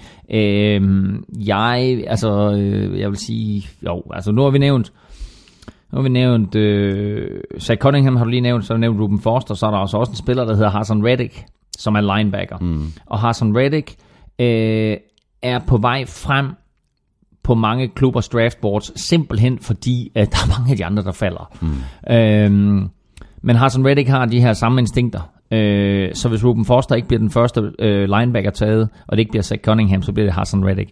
Og øh, øh, er han ikke gået på det her tidspunkt, så er det klart, at han er en kæmpe opgradering for, for Miami Dolphins. Men jeg har jo faktisk spekuleret lidt i, at øh, Miami Dolphins tog Zach Cunningham. Mm. Og det er så, hvad jeg ville anden gang, at de havde en, en øh, dygtig linebacker, der hed Zach, fordi de havde jo Zach Thomas, legendariske Zach Thomas, i mange år.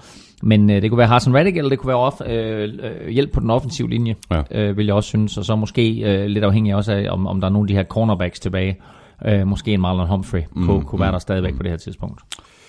Giants øh, angreb ser ud til at kunne blive et af de mest øh, eksplosive i ligaen, efter de øh, signede Brandon Marshall i free agency, mm. så Eli nu både har ham, Odell Beckham Jr. og Sterling Shepard at kaste til. Jeg synes stadigvæk, de mangler noget på running back. Øh, jeg kunne godt se dem drafte Christian McCaffrey. Ja. Øh, har måske, måske vil de bare adressere left tackle tidligere, så de kan rykke øh, Eric Flowers over på højre side. Mm.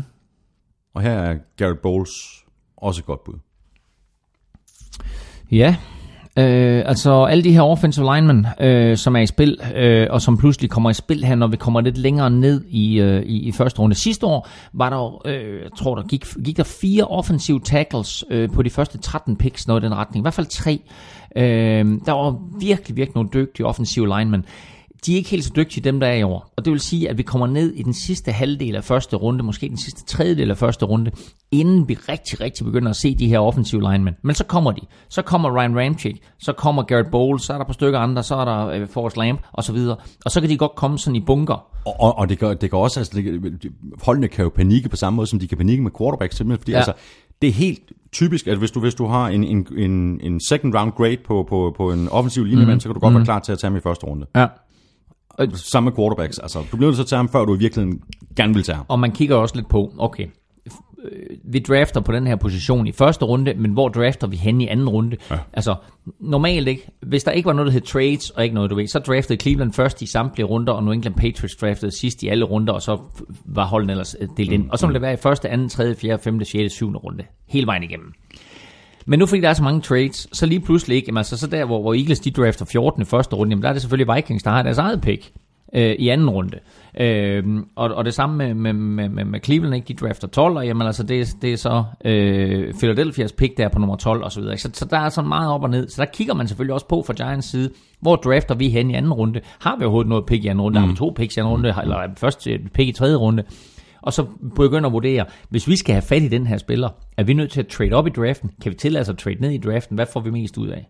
Men jeg tror og håber lidt for Eli Manning, at de går offensiv linje. Ja, jeg har det på samme måde.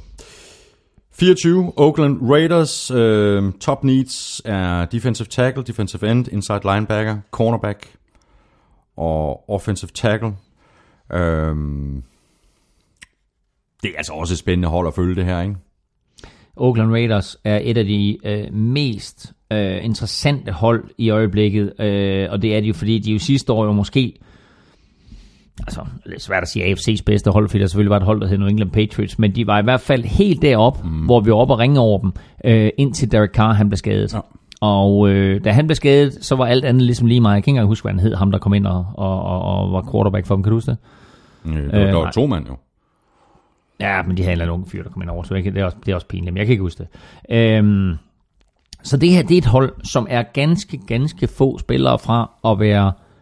Øh, de er et af, et af de absolut bedste hold i NFL, men de bliver kun bedre ved at få et par unge spillere tilknyttet. Mm. Og de har også fået Jared Cook nu. De har fået Jared Cook på tight end, og ja. der er jo stadigvæk en masse snak om Marshawn Lynch. Ikke? Altså, Beast Mode kommer Beast Mode mm, tilbage. Mm, mm. Og, øh, og, og, og bliver han lige pludselig running back. De har jo sendt øh, Latavius Murray til Vikings, så, så den øh, mangler de selvfølgelig, den running back. Øh, men Marshawn Lynch er aktuel til at komme tilbage som running back for, øh, for, for Raiders. Men jeg kunne godt forestille mig, at de gik running back. Og der vil helt sikkert være et par stykker af de running backs, vi nævnte i starten. En Dalvin Cook, måske sågar en Joe Mixon. Og mm. er Joe Mixon tilbage på det tidspunkt, så kommer han ud til Raiders, som har sådan et, et, et ballade med at ryge, det har de altid haft, det er sådan øh, NFL's rebeller. Øhm, han får lov til at spille i, i Black and Silver, men han får også Jack Del Rio som head coach, ja. som kan tage ham og så sige, hør her knægt, vi har et skide godt fodboldhold, og du er en skide god spiller, og hvis du, hvis, hvis du kan holde din sti ren, så kan vi blive rigtig, rigtig gode sammen, mm. og så hjælpe ham. Så jeg kunne sagtens se Raiders tage Joe Mixon. Det kunne jeg også sagtens se. Hvad, kan du også sagtens se, at de går øh, offensive tackle? Ryan Ramchick. Jeg har set ham beskrevet som country strong. Har du det country strong? ja, jo. Altså, øh, altså, prøv at høre. Vi er så langt nede, så vi har ingen anelse om, hvem der er væk, og hvad der er tilbage. Mm. Og vi ved heller ikke, hvad, hvad, hvad, hvad Raiders de vil. Jeg siger bare, jeg tænker running back øh, må være første prioritet for dem. Texans, de drafter som nummer 25. De har blandt andre mistet cornerback AJ Bowie, mm. safety Quentin Demps. Mere positivt øh, for dem er, det, er så, at de er slukket af med Brock Osweiler. Øh, der er så heller ikke nogen øh, Tony Romo, øh, så de skal nærmest gå efter en quarterback her allerede.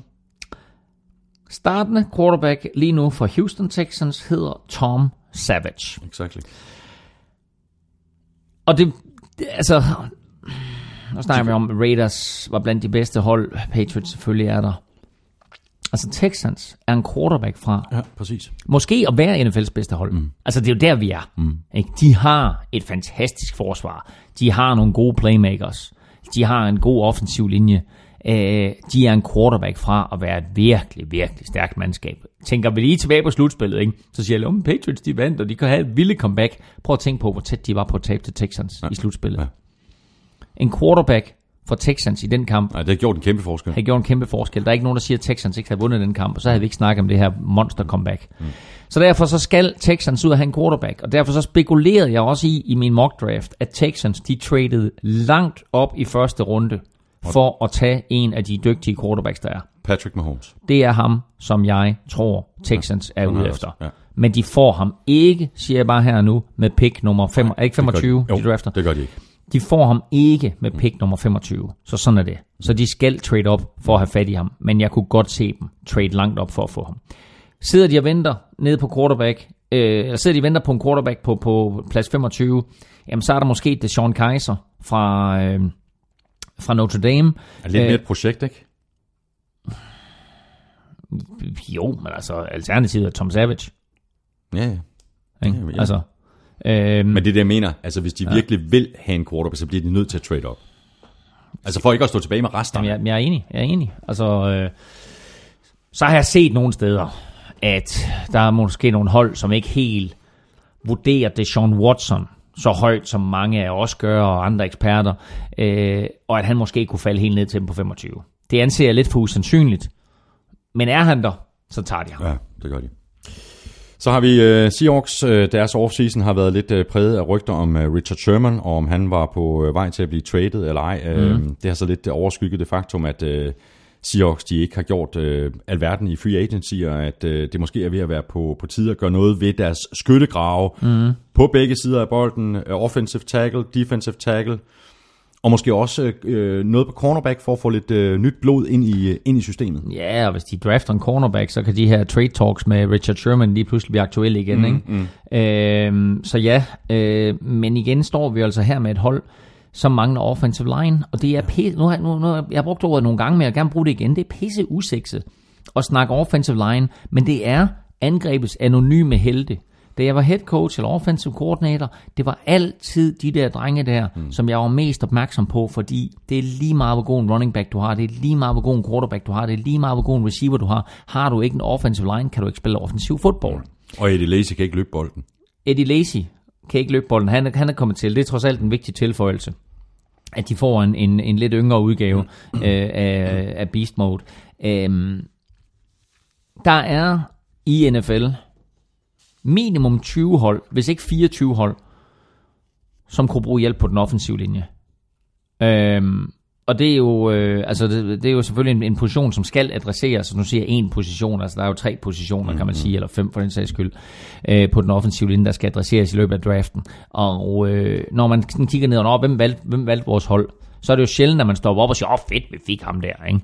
Men altså prøv at se, hvad det gjorde for Tennessee Titans sidste år, ikke? Og prøv at se, hvad det har gjort for Dallas Cowboys, og se, hvad det, hvad det har gjort for Oakland Raiders, Atlanta Falcons, Green Bay Packers. Mm. Dem, der har offensive linjer, de kan spille offensiv fodbold. Ja.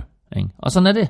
Så derfor så er de her spillere, de er super, super vigtige. Og jeg håber for Seattle, at de vælger en offensiv linjemand. De har gjort det før, øh, uden den store succes, men få en af de her linjemænd hernede, få en guard, få en tackle, ja. øh, enten det er Cam Robinson, eller det er Ryan Ramchick, eller Garrett Bowles, eller hvem det er, der er tilbage på det her tidspunkt. Chiefs, de har blandt andre sagt farvel til Jamal Charles på running back og nose tackle Don Terry Poe, som nu er i Falcons. Mm. Øh, til gengæld så har de resignet Eric Berry på, øh, på safety. Chiefs, de har brug for unge spillere til deres forsvar, blandt andet på linebacker, defensive tackle og måske især på cornerback. Øh, de har også brug for en ny running back, og, og, og spørgsmålet er, om de ikke også kunne finde på at og, og drafte en quarterback. Øh, De sidder og kigger på, på Alex Smith og siger, mm. kommer vi nogensinde lige det sidste skridt med Alex Smith, eller skal vi finde vores nye starter? Øhm, altså, jeg, jeg, jeg kunne sagtens se Andy Reid få noget ud af Patrick Mahomes, hvis han var der, men de bliver nødt til at trade op for, Ja, for det, er, de, de får ikke en af de her tre top quarterbacks på, på 27, det tror jeg ikke. Altså det er Sean Kaiser, vi nemlig før, nævnte før, kan de måske godt få. Øhm, de mangler linebacker, de mangler, øh, de mangler måske en cornerback på den anden side af Marcus Peters. Ja. Øh, så kan de få en dygtig corner sent i draften, så kan de jo altså også lave den her med at have to dygtige cornerbacks, der supplerer hinanden. Og vi kan bare se, de hold, der virkelig, virkelig øh, er dygtige forsvarsmæssigt, de har bare to dygtige cornerbacks. Øh, det er en super vigtig position, og det er ubetinget i mine øjne den sværeste position overhovedet at spille i NFL, cornerback. Fordi du er så meget alene, som du er. Mm. Du er så meget alene, og du skal reagere på, hvad en Præcis. receiver gør. Ja. Fint nok, så kan du blive sat i et zoneforsvar, det er lidt dem at forholde sig til, men du vil blive kastet ud i nogle mand-til-mand situationer, og bliver du brændt dybt, så er der kun én, som der bliver skrevet om i pressen, ham og ham, han blev brændt dybt, han er simpelthen så elendig ud med ham. Mm. Cornerback er en fuldstændig urimelig position at spille.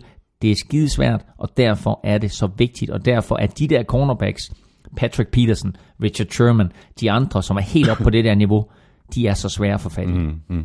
Hvad siger du til et navn, som jeg har fundet på nettet? Uh, Tredavious White? Trey Davis White øh, er en øh, ganske, ganske interessant cornerback, og jeg har faktisk set ham rygtes til Vikings helt nede i anden runde. Oh. Så øh, det, er, det er en spiller, som, øh, som jeg selvfølgelig håber øh, falder lidt ned der, men altså de her coaches, som, øh, som godt kan lide cornerbacks, der er han i hvert fald ganske, ganske interessant. Så er vi nået til øh, Dallas Cowboys på 28, øh, og de er i en så meget bedre position i år, end de var sidste år, hvor de draftede Ezekiel Elliott og var som vi også var inde på lidt mm. tidligere, øh, super heldige med at ramme øh, Dak Prescott, efter at de har forsøgt at trade op for flere andre øh, quarterbacks. Top needs, sådan som jeg ser det, defensive end, øh, defensive backs, tight ends. Mm. Hvad siger du til, øh, til Cowboys? Som jo også er et andet meget forsvar, interessant. Ja. Forsvar, Ja. forsvar. Øh, du nævner det selv. Prøv at de mistede fire cornerbacks og safeties ja. øh, her i offseason, ikke? Altså, de mistede deres to startende cornerbacks, de øh, mist, øh, manglede, mistede en, en startende safety, og, og de mistede en, en, en øh, nickel De, de har dime. mistet Barry Church, Ja. Brandon Carr, J.J. Wilcox, Morris Præcis. Claiborne, Ja, Terry McLean. ja. Og, Og det de vil, spillede, altså alle de her spillere, de spillede mindst 400 snaps sidste sæson. Ja, jamen, jamen, det var helt vildt. Altså, det er helt vildt det antal snaps, der er forsvundet ja. fra øh, Cowboys forsvar. Så jeg tænker safety eller corner hernede. Mm. Alternativt øh, en, øh, en outside linebacker, defensive end type, som kan rushe quarterbacken. Øh, det, det er der, vi er. Øh, hvis de går nogen som helst andre retninger første runde, så vil jeg blive super overrasket. Altså, det er en af de tre positioner. Ja, ja. Altså, og jeg forestiller, mig, jeg forestiller mig, de tager en corner. Mm, det gør jeg også.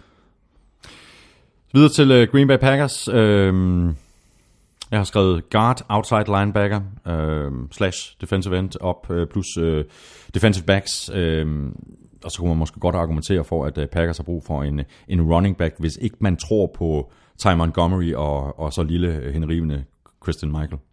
Christine, øh, altså Ty Montgomery er jo interessant, at øh, den her konverterede receiver, mm. Som, øh, som pludselig øh, kommer ind og bliver startet running back, og jo faktisk gør det rigtig, rigtig godt, men han er bare for lille i længden.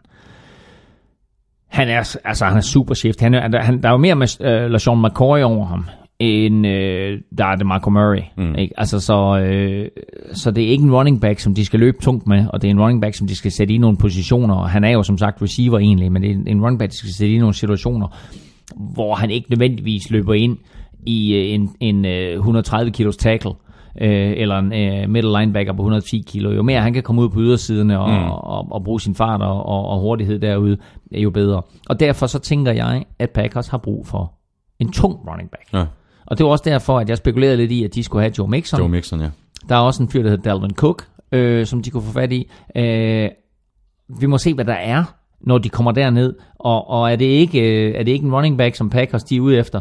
Altså, så snakker vi måske øh, hjælp på den offensive linje. Øh, vi snakker måske hjælp på cornerback, som også kunne være interessant. Øh, så øh, når vi kommer herned, altså så mange af de navne, du har nævnt, øh, defensive line Malik McDowell kunne være interessant mm, hernede, mm, mm. Øh, Marlon Humphrey, hvis han er der, kunne være interessant dernede, mm. øh, og øh, også så som sagt en af de her running backs.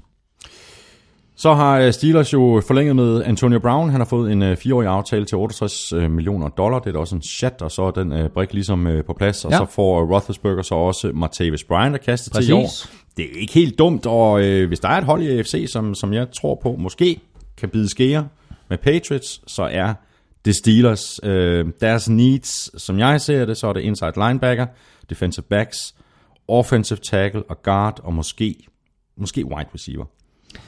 Øhm, jeg synes, de er så godt besat på, på angrebet nu, og især med Martavis Bryant, som har fået ophævet sin karantæne i NFL, at øh, de ligesom Cowboys, skal gå forsvar. Mm.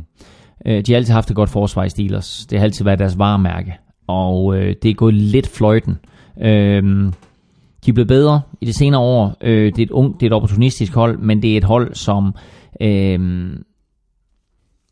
har sagt farvel til nogle meget markante profiler. Øh, nogle meget markante linebacker, en Troy Polamalu og andre spillere, de har brug for øh, nogle nye spillere, som kommer ind øh, og giver noget hårdhed, giver noget fart, giver noget ungdomligt tæft. Øh, så jeg tror, at de vælger forsvar. Jeg mm. kunne godt forestille mig, at de som klassiker øh, gik ind og valgte øh, en linebacker, måske sådan en, øh, en defensive end, skråstrej outside linebacker, som de er kendt for. Steelers har i mange år været kendt for at vælge defensive ends, altså college defensive ends, og gøre dem til outside linebackers. Mm. Og det kunne man godt forestille sig, at de kunne finde på igen. Så øh, et interessant bud her så, så er du lige nu, du skal sige, what? kom, kom med det. What? TJ Watt kunne være et interessant bud. Ja. Så øh, jeg kunne godt se Houston Texans, JJ Watts lillebror, går til Steelers. Interesting. Så er vi fremme ved nummer 31, Claus Elming. Øh, taberne af Super Bowl Atlanta Falcons. Øh, ja. Det er et øh, ungt hold, der er bygget til fremtiden. Eneste spørgsmålstegn øh, nærmest er, hvad der skal ske med det her angreb, efter at de nu ikke længere har Kyle Shanahan som offensiv koordinator. Mm. De beholder det samme angreb, og der kommer nogle twist på. Ja. Men man må se, hvordan øh, spillene de bliver kaldt med den nye koordinator. Som hedder ja. Steve Sarkisian. Exactly. Jeg har noteret right guard som den eneste position, hvor Falcons sådan rigtig er super needy. Øh, derudover så kunne de se på defensive end, outside linebacker og defensive tackle. Mm. Øhm, de sagde farvel til øh, Chris Chester. Mm. Øh, efter en, en lang og flot karriere, så valgte han altså at trække stikket. Øh, og han spillede højre guard for dem. Og øh, det vil sige, at der mangler de simpelthen en spiller. Øh, så jeg kunne godt se dem sent i første runde drafte en guard, øh, hvis der er en, som, som de synes er interessant.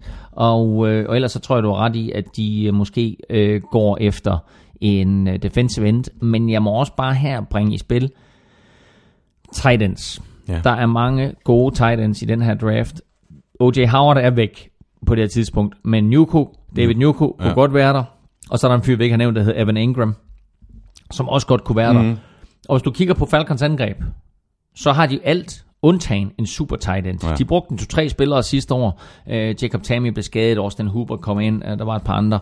Øhm, men de mangler faktisk en super tight end. Mm. Så lidt afhængig af, hvad der er tilbage på det her tidspunkt, og hvordan de ellers øh, vurderer deres behov, så kunne tight end til Falcons godt være interessant. Det kunne være rigtig interessant, og jeg havde faktisk også skrevet Nuko op til øh, Steelers, ja. hvis de ikke tror på, at Darius Green Ja. sådan kommer tilbage fra sin skade, han er inde på, på injured reserve, så kunne øh, Steelers måske også godt være interesseret i ham. Det er faktisk rigtigt. Eller Darius Green er bare et monster, når han er, Ja, det er han. Når han er klar, ikke? Ja. Altså, når han er skadesfri. Så Hvem- kommer vi til New hvem- England Patriots. Nå nej, Det gør vi ikke, nej. nej. Det var, det var deres pick. Ja. Hvad var dit, øh, hvad var dit øh, bud øh, på, på, på Falcons? Udover Nuko? øh, så tror jeg, de går offensive line. Ikke? Altså, øh, Jo, jeg har også skrevet Forrest Lamp op. er det måske sent? Øh, Forrest Ja, Lamp, godt ikke, øh, altså Forrest Lamp tror jeg er væk på det her ja, tidspunkt. sikkert. men øh, ja. Ja. Nej, vi har ikke øh, New England Patriots, Nej. vi har New Orleans Saints. Og det er fordi... det er deres øh, sidste pick. Ja, men, men, Ja, grund, altså, men deres sidste pick i første runde, det er deres pick nummer to. præcis, jeg elsker, jeg elsker den måde, du kan sige sidste pick. Jamen, det, Så nu får du sidste pick. øhm, den sidste pick. det, det er der, det er her forskellen kommer. Nej, men grunden til, at de har det her pick, er jo øh, den trade, der blev indgået tidligere øh, her i foråret, hvor Brandon Cooks, receiveren, kom fra øh, New Orleans til øh, New England, og New England i stedet for gav deres 32. pick, altså det sidste pick i første runde, til øh, New Orleans Saints. Så derfor så drafter Saints hernede, og øh, meget interessant at, at, at se, hvad de vælger at gøre med det 32. pick. Interessant. Hvad har du skrevet op? Jamen, øh, jeg har faktisk skrevet Jonathan Allen op. Ej, det er for langt nede. Han er væk. Er han det? Han er væk på det tidspunkt. Det kunne altså godt ud at sætte øh, ham sammen med Charles Harris. Ja, men øh, ham kan de vælge. Og så Cameron Jordan på den ene Altså, side, og så øh, Harris på den anden. Hvordan er det drafter Saints? Hvad drafter de? Øh, hvor er deres første pick henne? Var det 10, 12, 14? Jeg kan ikke huske det. Nej, jeg har dem her. I hovedet. Nej, jeg har dem lige her. Øhm, 11. 11. Øhm, de kan måske få Jonathan Allen på 11. Mm. Men altså, øh, de får ham ikke på 32. De kunne så få øh, hernede, øh, altså måske en running back. Øh, hvilket de overhovedet ikke har behov for. Det var bare noget, jeg slyngede ud. Mm. Så tænker jeg på, om de lige signer Adrian Peterson. Øhm, men øhm, øh, hvad, hvad, hvad, hvad med Taco Charlton? Øh, defensive end Taco Charlton mm, mm. Øh, kunne være godt, hvis de har draftet forsvar på, på deres første pick, og så får de i hvert fald opgraderet den, den, den defensive side af, af fodbolden. Og det har de da unægteligt behov for. Mm. Så det kunne være et ganske udmærket valg. Øh, hvem har du med at skrive op? Mm, det er faktisk det, jeg har, har noteret Okay. her. Ja, um, jeg er lige i gang med at, at lede efter dem her. Øhm. Men ellers så er, er det interessante her, det er jo så også, at øh, når så Saints de har valgt, så er, øh, så er det jo pludselig Cleveland Browns, der skal vælge igen. Så altså ikke bare har de to picks i første runde Cleveland Browns, de har altså også det første pick Ja. i anden runde. Så de har tre picks ud af de første 33 spillere, så det er altså noget af en opgradering Ja, det er det altså. som, øh, som Cleveland Browns de kan vælge. Nå, nu, det tog mig lang tid lige at finde dem her, de her Saints. Øh, godt. Øh, jeg har skrevet op, at de har behov for cornerback, safety, defensive end, linebacker, og så running back, og running back kan vi godt sætte kryds mm, over. Mm. Øh, så med nummer 32, der har vi inde øh, i draft-magasinet spekuleret i øh, Takaris McKinley, som er defensive end eller linebacker for UCLA. Mm-hmm. Eller vi har øh, spekuleret i en fyr, der hedder Klobi Awuchi, som er cornerback fra øh, Colorado. Øhm, men øh, Det er også en, du har fundet på nettet, det der. det, jeg, det her, det, det er vores draft-magasin. Det her, det er mine eksperter, som har skrevet det her. Jeg siger bare, hvad der, sådan, der står inde i det, inde i det draft-magasin. Men altså, øh, de har behov for cornerback og safety. Øh, og der må vi se, hvad der er tilbage på det her tidspunkt. Ja. Alle de store navne, vi har nævnt, de er med stor sandsynlighed væk. Det må man øh, formode. Skal vi lige runde de tre hold, øh, Claus, som ikke har et pick i, Yes. øh, i, øh, i, i, i første runde. Det Ja. er Los Angeles Rams med pick nummer 37. Rams har fået he- øh, ny head coach. Mm. Øh, det tror jeg, der er rigtig, rigtig mange Rams-fans, der er glade for. Ikke mere Jeff Fisher. Derimod er det Sean McVay. Og sammen med ham, der har Rams signet med Andrew Whitworth, Robert Woods, Connor Barman og Nickel Roby Coleman, og har forbedret sig på henholdsvis left tackle, slot receiver, defensive end og cornerback. Skal Jared Goff have mere beskyttelse, eller hvor ser du Rams gå med øh, pick 37? Receiver. Øhm, find, en, øh, find receiver, som kan hjælpe øh, Jared Goff. Øhm, måske endda en tight end. Mm. Øh, der er vel helt sikkert, altså nu nævnte jeg lige kort øh, Evan Ingram, og der er ikke nogen, der siger, at han ikke er der, når, når Rams de drafter i anden runde. Mm. Øhm, så øh, receiver eller tight end, et eller andet, som kan hjælpe Jared Goff. Og så er det så Øhm, spændende at se, hvordan han udvikler sig her i år 2. Præcis, og øh, igen ikke altså røvudsigtet, men altså det hjælper altid for en quarterback at få offensive lineman ind, Ja. ja. øh, så, så, så det, det kunne de også godt. Så hopper vi ned til dine Vikings øh, på pick nummer 48, Claus. Ja. Øh, Allan Petersen øh, skriver på Twitter, dummede Vikings sig med at opgive et første runde pick til Eagles for Sam Bradford? Og var det ikke super købmandskab af Eagles? Jamen jeg vil sige, øh, det var super købmandskab af Eagles, men jeg synes ikke Vikings de dumme sig, fordi de gav et første runde pick for en quarterback, som der i den grad beviste, at han kan spille quarterback sidste år. Mm. Øh, hvis du så samtidig giver ham øh, nogle våben at arbejde med, det håbede de jo lidt på, at de gjorde ved at drafte Laquan Treadwell sidste år, men han var sådan en skuffelse. Nu må vi se, hvordan han, øh, han kommer igen i år. Øh, om han forbliver en skuffelse og, og forbliver en special teamspiller, eller han rent faktisk har noget at tilbyde offensivt. Ja.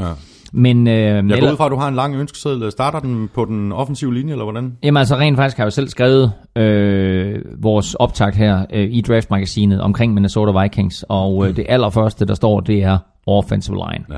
Og øh, selvom vi har hævet to offensive linemen ind, så øh, mangler der stadigvæk en højre guard. Øh, vi hentede to tackles, blandt andet Riley Reef hos, øh, hos Lions, og så Mike Remmers, som øh, spillede for Carolina Panthers, og også spillede i Super Bowl 50 for dem. Men vi mangler noget, nu siger vi, ikke du ved, jeg er nede med Vikings, men Vikings mangler øh, noget hjælp på øh, højre guard, så jeg håber lidt, at, at de går højre guard. Mm. Øhm, og så øh, er Mike Zimmer, head coach, jo altid interesseret i gode cornerbacks. Ja. Og hvad med en safety, som kan komplementere Harrison Smith?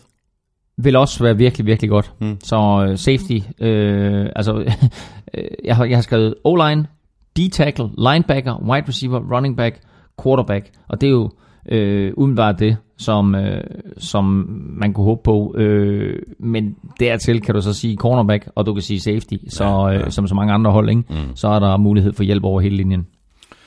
Og Jeg har, jeg har spekuleret i faktisk Malik McDowell, som du nævnte som ja, første runde pick, Ja, ja. så, så han kunne være der. Øhm, Tror du, han falder så langt? Ja, det, det ved vi ikke noget. Nej, det tror jeg ikke. Nej. Det tror jeg ikke. Men altså, øh, jeg har bare spekuleret i, og det, og det er også det her med, at det her, det er nok skrevet for, har jeg skrevet det tre uger siden, et eller andet, ikke? Ja. Øhm, og så justerer det løbende. Men Malik McDowell stille og roligt er, er, er stedet i graderne, ikke? Ja, Ja, På det tidspunkt, der lå han hernede som anden runde pick. Og det er det, der sker, at uden at de overhovedet spiller fodbold, så er der nogen, der sidder og ser film, og så siger de, jamen ham er han skidegod. Mm. Højere op med ham. Og så er der også sådan lidt lemming-effekt i det, ikke? Altså både den ene og den anden vej. Selvfølgelig, Ligesom- selvfølgelig, selvfølgelig er det, men det er bare interessant, ikke, at alle de her spillere, det er altså 4-5-6 måneder, i hvert fald 4 måneder siden, Ja. at de har spillet fodbold. Mm. Øh, for, mange, for, for nogens vedkommende 5 måneder siden, ikke, at de har spillet fodbold.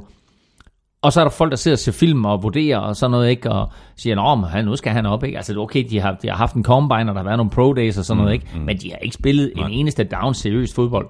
Øh, og så bliver de vurderet og, og rykker op og ned af listerne og sådan noget. Og det er også derfor, at vi ser nogle spillere, der falder til 4., 5., 6. runde, som bliver superstjerner. Richard Sherman 5. runde, ja. Tom Brady 6. runde, mm. øh, Cam, øh, hvad hedder han? Øh, ej, sort klap. Hvad hedder han? Safety. I, øh, hvad jeg kalder ham Cam Newton. Cam Chancellor. Cam Chancellor for pokker, hold kæft, man. Det var mega sort klap, det der. øh, jeg Cam, kender Cam. Cam Chancellor, femte runde, ikke? Altså, ja. de, de der spillere, de eksisterer. Og det er i øvrigt også øh, en, en, en overset øh, øh, grund til, hvorfor Seahawks har været så gode, fordi de har været, så, øh, været gode, heldige, mm. øh, at få de der øh, fjerde, femte, sjette runde valg, der bare har slået igennem og blevet monster playmakers. Sag, sag, sagde du Patriots? Sag, sagde du Patriots?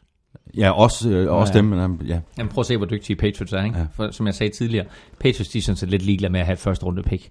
fordi de er så dygtige til at vælge spillere, og så er de dygtige til at få mange spillere. Mm. Og som vi talte om i en tidligere podcast, så rammer du cirka på øh, 40% af, af dine spillere. Ikke? Der, der kan du regne med at få en starter. Mm. Ikke? Og det vil sige, har du som, som Browns nu her 22 picks, ikke? Jamen altså, så kan, så kan du regne med at få en, lad os sige, 8-9 starter ud af det, ikke? Og har du som Patriots, øh, 22 picks næste to år, ja. og har du som Patriots, lad os sige, 10 år i gennemsnit, eller 10, 10 picks i gennemsnit, jamen så regner du med at få fire starter. Ja. Og det er bare en væsentlig forskel, i stedet for kun at have 5 picks. Mm. Og øh, Patriots, jamen, de får da også lov til at vente længe i år. De har pick nummer 72 som deres øh, mm. første pick. Jeg har jo virkelig at gøre med et hold uden de helt store behov. Altså, jeg har noteret defensive end, offensive tackle og running back måske. Ja, running back jo altså, og det, det, det, det seneste interessante ud af, ud af New England, det er jo, at LeGarrette Blunt jo ikke længere er interessant. Hmm. Så han ryger med stor sandsynlighed på porten. Og så må man se, hvor han ender henne, ja. om, om der er et hold, der er lige så god til at udnytte ham, øh, som Patriots har været. Fordi da han var i Steelers, der var han jo en skygge af sig selv, og så kom han tilbage til Patriots, og så vidste han jo bare, at altså, det var der, han hørte hjemme, og ja. det system, de kørte, det passede ham perfekt. Øh, men, øh, men lige nu, der er han ikke øh, aktuel i, i Patriots planer. Det var det. Claus, nu er det ja. bare at vente og se, hvad holdene de i virkeligheden gør i øh, morgen, torsdag eller natten til fredag dansk tid, øh, når draften den går i gang i Philadelphia. Jeg glæder mig helt vildt, og det ved at øh, du også gør, Claus, og det gør du garanteret også. Vi skal have quizzen! Og oh. inden vi kommer med afgørelsen på quizzen, vil jeg lige... Quiz, quiz, quiz, quiz, quiz. Sorry. det, det er så længe siden, at jeg glemt den der jingle. Nå. Inden vi kommer med afgørelsen på quizzen, øh, vil jeg lige fortælle, at vi jo naturligvis dækker draften live inde på Google Klud, så der vil være omgående opdateringer med, hvem øh, klubberne har valgt, og en lille kommentar mm, mm. til den enkelte Slags. klub. Og vi kommer også med noget Facebook Live, hvor man, øh, hvor man kan stille spørgsmål. Mm. Og lige om lidt, der skal vi have lavet nogle øh, investeringer på også på danske spil. Først, der skal vi have svaret på quizerne. Øh, er det mig, der skal svare på øh, dine to først? Øh, det var hvem Bills to ja, med det, det synes jeg. pick nummer 12 i 2007. Præcis. Jeg er kommet i tanke om et øh, navn undervejs. Nå, okay. Fordi jeg var faktisk rimelig blank. Øh, ja. Men nu er jeg næsten Godt. sikker på, at øh, jeg skyder rigtigt med øh, Marshawn Lynch. Hey, hey, hey. Var det dengang, jeg nævnte Marshawn Lynch? Nej, nej, nej, det var faktisk tidligere. Var det det? ja, okay. det var det. Nå. Øhm, jamen, øh, kort og lang er jo, at, øh, at øh, det er fuldstændig korrekt. De valgte Marshawn Lynch øh, med det pick. Jeg kan godt se, at du var helt blank, så tænker jeg, må ja, hellere, fuldstændig. Jeg, det hjalp mig med, med det running back, det er at, klart. at jeg måtte hellere give dig øh, lidt, lidt, hjælp, lidt, lidt, lidt, lidt hjælp med running back. Ikke? Ja. Ja. Så, så det, det er korrekt. Øh, det var Marshawn Lynch, som de valgte der for 10 år siden, og han har så selvfølgelig været i Seahawks og har trukket sig tilbage, og nu er han så på vej tilbage Måske. ind, ind i ligaen igen. Ja. Nu må vi se. Så var der den anden, og det er jo den, jeg synes, der er rigtig sjov. Øh, hvem, eller hvor, må jeg hellere sige, øh, kommer to af Houston Texans draft picks fra? Hvor bliver de øh, råbt op fra, øh, annonceret fra? Cape Canaveral. Cape Canaveral øh, ligger i Florida. Jo, jo. Korrekt. Men, Det kunne de vel godt vælge at gøre. jo, men det, det hedder vist, hvad hedder det? Hedder det Houston Space and et eller andet center? nå, Hvad okay. hedder det? hedder, Jamen, det gætter jeg på så. The International Space Station and Space Center hedder Ja, det faktisk ja, i det Houston. gætter jeg på så. Det er der, du gætter? Ja. ja. Kan du uddybe det? Nej, Houston Texans. er det rigtigt? Nej, jo, Nå, ja, nå, ja, ja. jo. Altså, Ah. principielt kan man sige, det er to mennesker, der er ansat der. Er det oppe på, øh, på stationen og på øh, Kommer den, altså ISS, den internationale rumstation? Præcis. Kommer, hvor, hvor er det crazy. kommer jeg skulle bare have sagt, ved du, at det var faktisk ikke engang løgn. Det var det første, jeg tænkte på. ja, Og så, ah, det er alligevel for langt ude. Men to astronauter fra, fra Houston, eller fra, fra basen der i Houston, som nu befinder sig i outer space. Ah, hvor det vildt. kommer med øh, fjerde og femte rundevalget for Houston Texans direkte leveret til jorden Det er- fra outer space. Det er stærkt. Som jeg skrev i min artikel, NFL har hermed formået at gøre draften til en universel begivenhed. Nu skal vi have dit svar på øh, Amstrup's Dick Quiz. Spørgsmålet var, i hvilken runde draftede Eagles i 1958 John Madden. Det man skal lægge mærke til, det er, at nu her i draften, øh, nu om dagen, der er der syv runder, men i gamle dage, der var der rigtig, rigtig mange runder. Så jeg siger, at Eagles, de draftede John Madden i 17. runde. Det er tæt på, faktisk. Hvad så? Ja, 21. runde. 21. runde. to, nummer 244 overall. Okay. Øh, kun Roosevelt Brown er draftet senere, ja. og er samtidig havnet i Hall of Fame. Han Okay. blev draftet i 1953 ja. i runde Ja. ja. 27 som nummer 321. Okay. Men prøv, men prøv at lægge mærke til det, ikke? Øh, 244, mm. og det var 21. 21. runde. runde, Det siger også noget om, hvor få Hvor hold der var ja, dengang, præcis. ikke? Øh, og nu er der så 32 hold, og derfor så er man nede på syv runder. Lad os så bare få sat nogle penge på oddset på danske spil, Claus. Øh, der er vel kommet noget her i forbindelse med, med draften, går jeg stærkt ud fra. Jamen, Vi skal have sat øh, nogle penge det- på Knappe og Mathisen. Og, Danske spil har både øh, Dansker Special og Draft Special og Overall Pick Special. Øh, der er øh, quarterback i første runde special og running back i første runde special, og der er også en wide receiver i første runde special. Øh, og her er, øh, her er nok mit bedste bud. Øh, den første wide receiver, der bliver draftet, der giver Mike Williams 1,45. mm, Corey Davis giver 3,0, Wow. og John Ross giver 7,5. ja. Jeg er overbevist om, at Corey Davis bliver valgt som den første receiver. Mm, Så er det jo bare øh, at, at sætte penge Øh, på den til odds. Hvad sagde du? Odds 3? Odds 3. Ja. Øhm, så øh, jeg synes det er jeg synes det er interessant øh, odds. Jeg synes odds 3 er virkelig virkelig godt Det er det også. på øh, på Corey Davis. Mhm. Mm-hmm. Så har vi en øh, så har vi en running back special der hedder Fournette. Han giver 1.16 og så kan man gætte på alle andre end Fournette til 4,5. Det gør vi bare. Altså jeg vil sige det på en måde, hvis folk de er hotte på Christian McCaffrey, Ja. Altså prøv at høre, der er stor sandsynlighed for, at net, han bliver draftet fire af, af, af, af, af Jaguars, ikke? og så er den pot ude, og så har vi tabt pengene. Men fire og en halv ja. på alle andre quarter, øh, på, øh, running backs ja. end Fournette. Ja, helt- helt enig. Ja, men prøv at, men, men okay, nu nævnte jeg det bare lige. Nå. Første quarterback draftet. Trubisky 1,35, Deshaun Watson 3,30, Mahomes 10,0, eller Deshaun Kaiser 20,0. Øh, Deshaun Kaiser er lige meget. Trubisky 1,35, Deshaun Watson 3,30 og Patrick Mahomes 10. Jeg våger den påstand nu og her, at Patrick Mahomes bliver draftet som den første quarterback af alle. Han giver odds 10. Jeg ved godt, du, du, kigger på mig, du, du kigger på mig med sådan et blik, hvor du siger, du er helt væk. Nej, ja, nej, sådan set ikke. Du er ikke helt væk, fordi øh, man kan lige så godt blive draftet øh, som den første øh, quarterback, som, som Mitchell Trubisky og Deshaun Watson. Altså, det, for fire år siden, der foreså jeg, at Jaguars, ikke at Jaguars, men jeg foreså, at Blake Bortles ville blive taget som den første quarterback. Mm. Og folk de sagde, du er helt på månen. Den ramte jeg. Øhm, jeg tror, at der er så meget hype om Patrick Mahomes, at han bliver draftet etter. Ja, ikke etter, men den første ja, ja, quarterback ja, ja, bliver ja. draftet. Og han giver odds 10, og altså, havde han ikke givet odds 10, så havde, heller ikke, så havde han måske ikke været så, du ved, altså, for hippet på det her vedmål. men, der er, men der er en god chance, og det er et godt odds. Det er godt odds, ikke? Øhm, og så er jeg 100% på, at Miles Garrett bliver draftet etter, og jeg ved godt, at det er next to nothing. Han giver 1,06 igen. Men altså, det er 6% forrentning. Så, Den, har, jeg, den har jeg før lavet, den der som, øh, som det sjette spil på en kupon, og så er det den, der ikke gik hjem. Ikke? ja, jamen, det gør han. Han bliver draftet etter. Ja, det gør han. Jeg vil bare lige sige, det her det er pisse sjovt. Danske spil har som første overall pick, Miles Garrett, Mr. Trubisky, Solomon Thomas, Jonathan Allen, Jamal Adams, osv. så videre, videre. Ikke? De giver alle sammen sådan respektable odds. Så kommer Andreas Knappe, 500.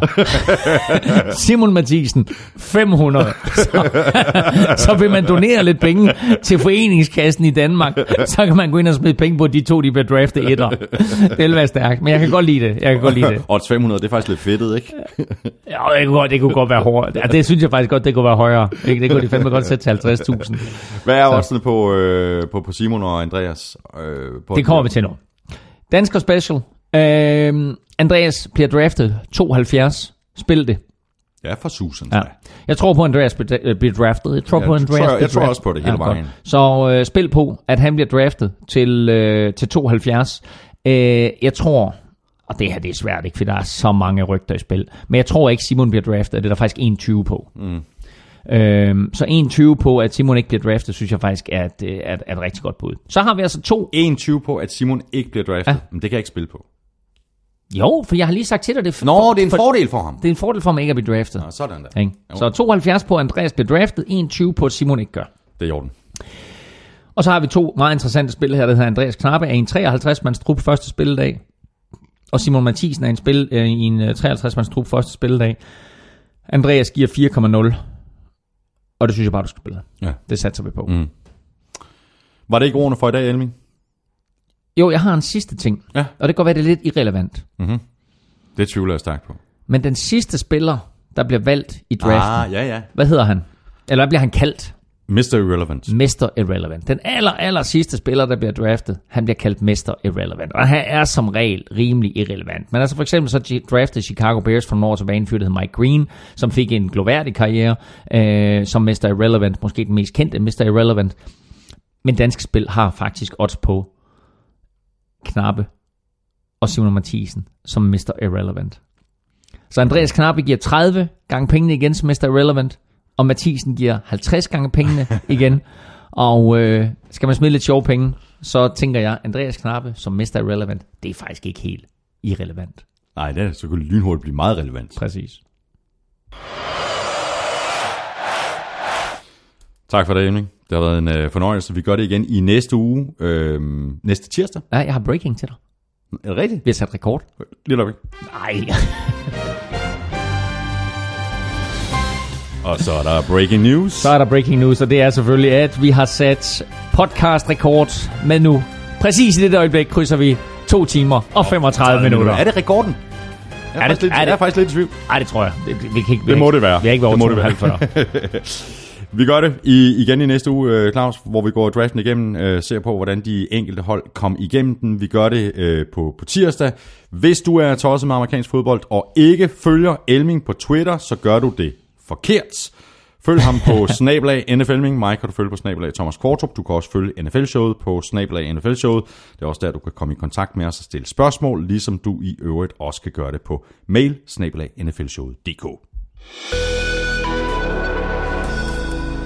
NFL-showet er produceret af Kvartrup Media, som også producerer den politiske podcast Born Unplugged. Du kan abonnere på NFL-showet i iTunes, eller hvor du nu henter dine podcasts, og hvis du gør det, jamen, øh, så er du sikker på at ikke misse et eneste afsnit. Du kan også lytte i SoundCloud på nflshowet.dk eller på gulslød.dk. Alle løsninger koster gratis. Vi er tilbage igen næste uge. Er det godt så længe? Hot hot. Det nye, det er, at øh, Cleveland Browns, de nu har snakket med ikke mindre end tre hold i top 8 om at trade op. Så de kan tage Miles Garrett etter, og så kan de stadigvæk få deres quarterback med deres andet draft pick. Det er seriøse breaking news. Jeg glæder mig, jeg glæder mig til, at vi ses igen. Helt vildt.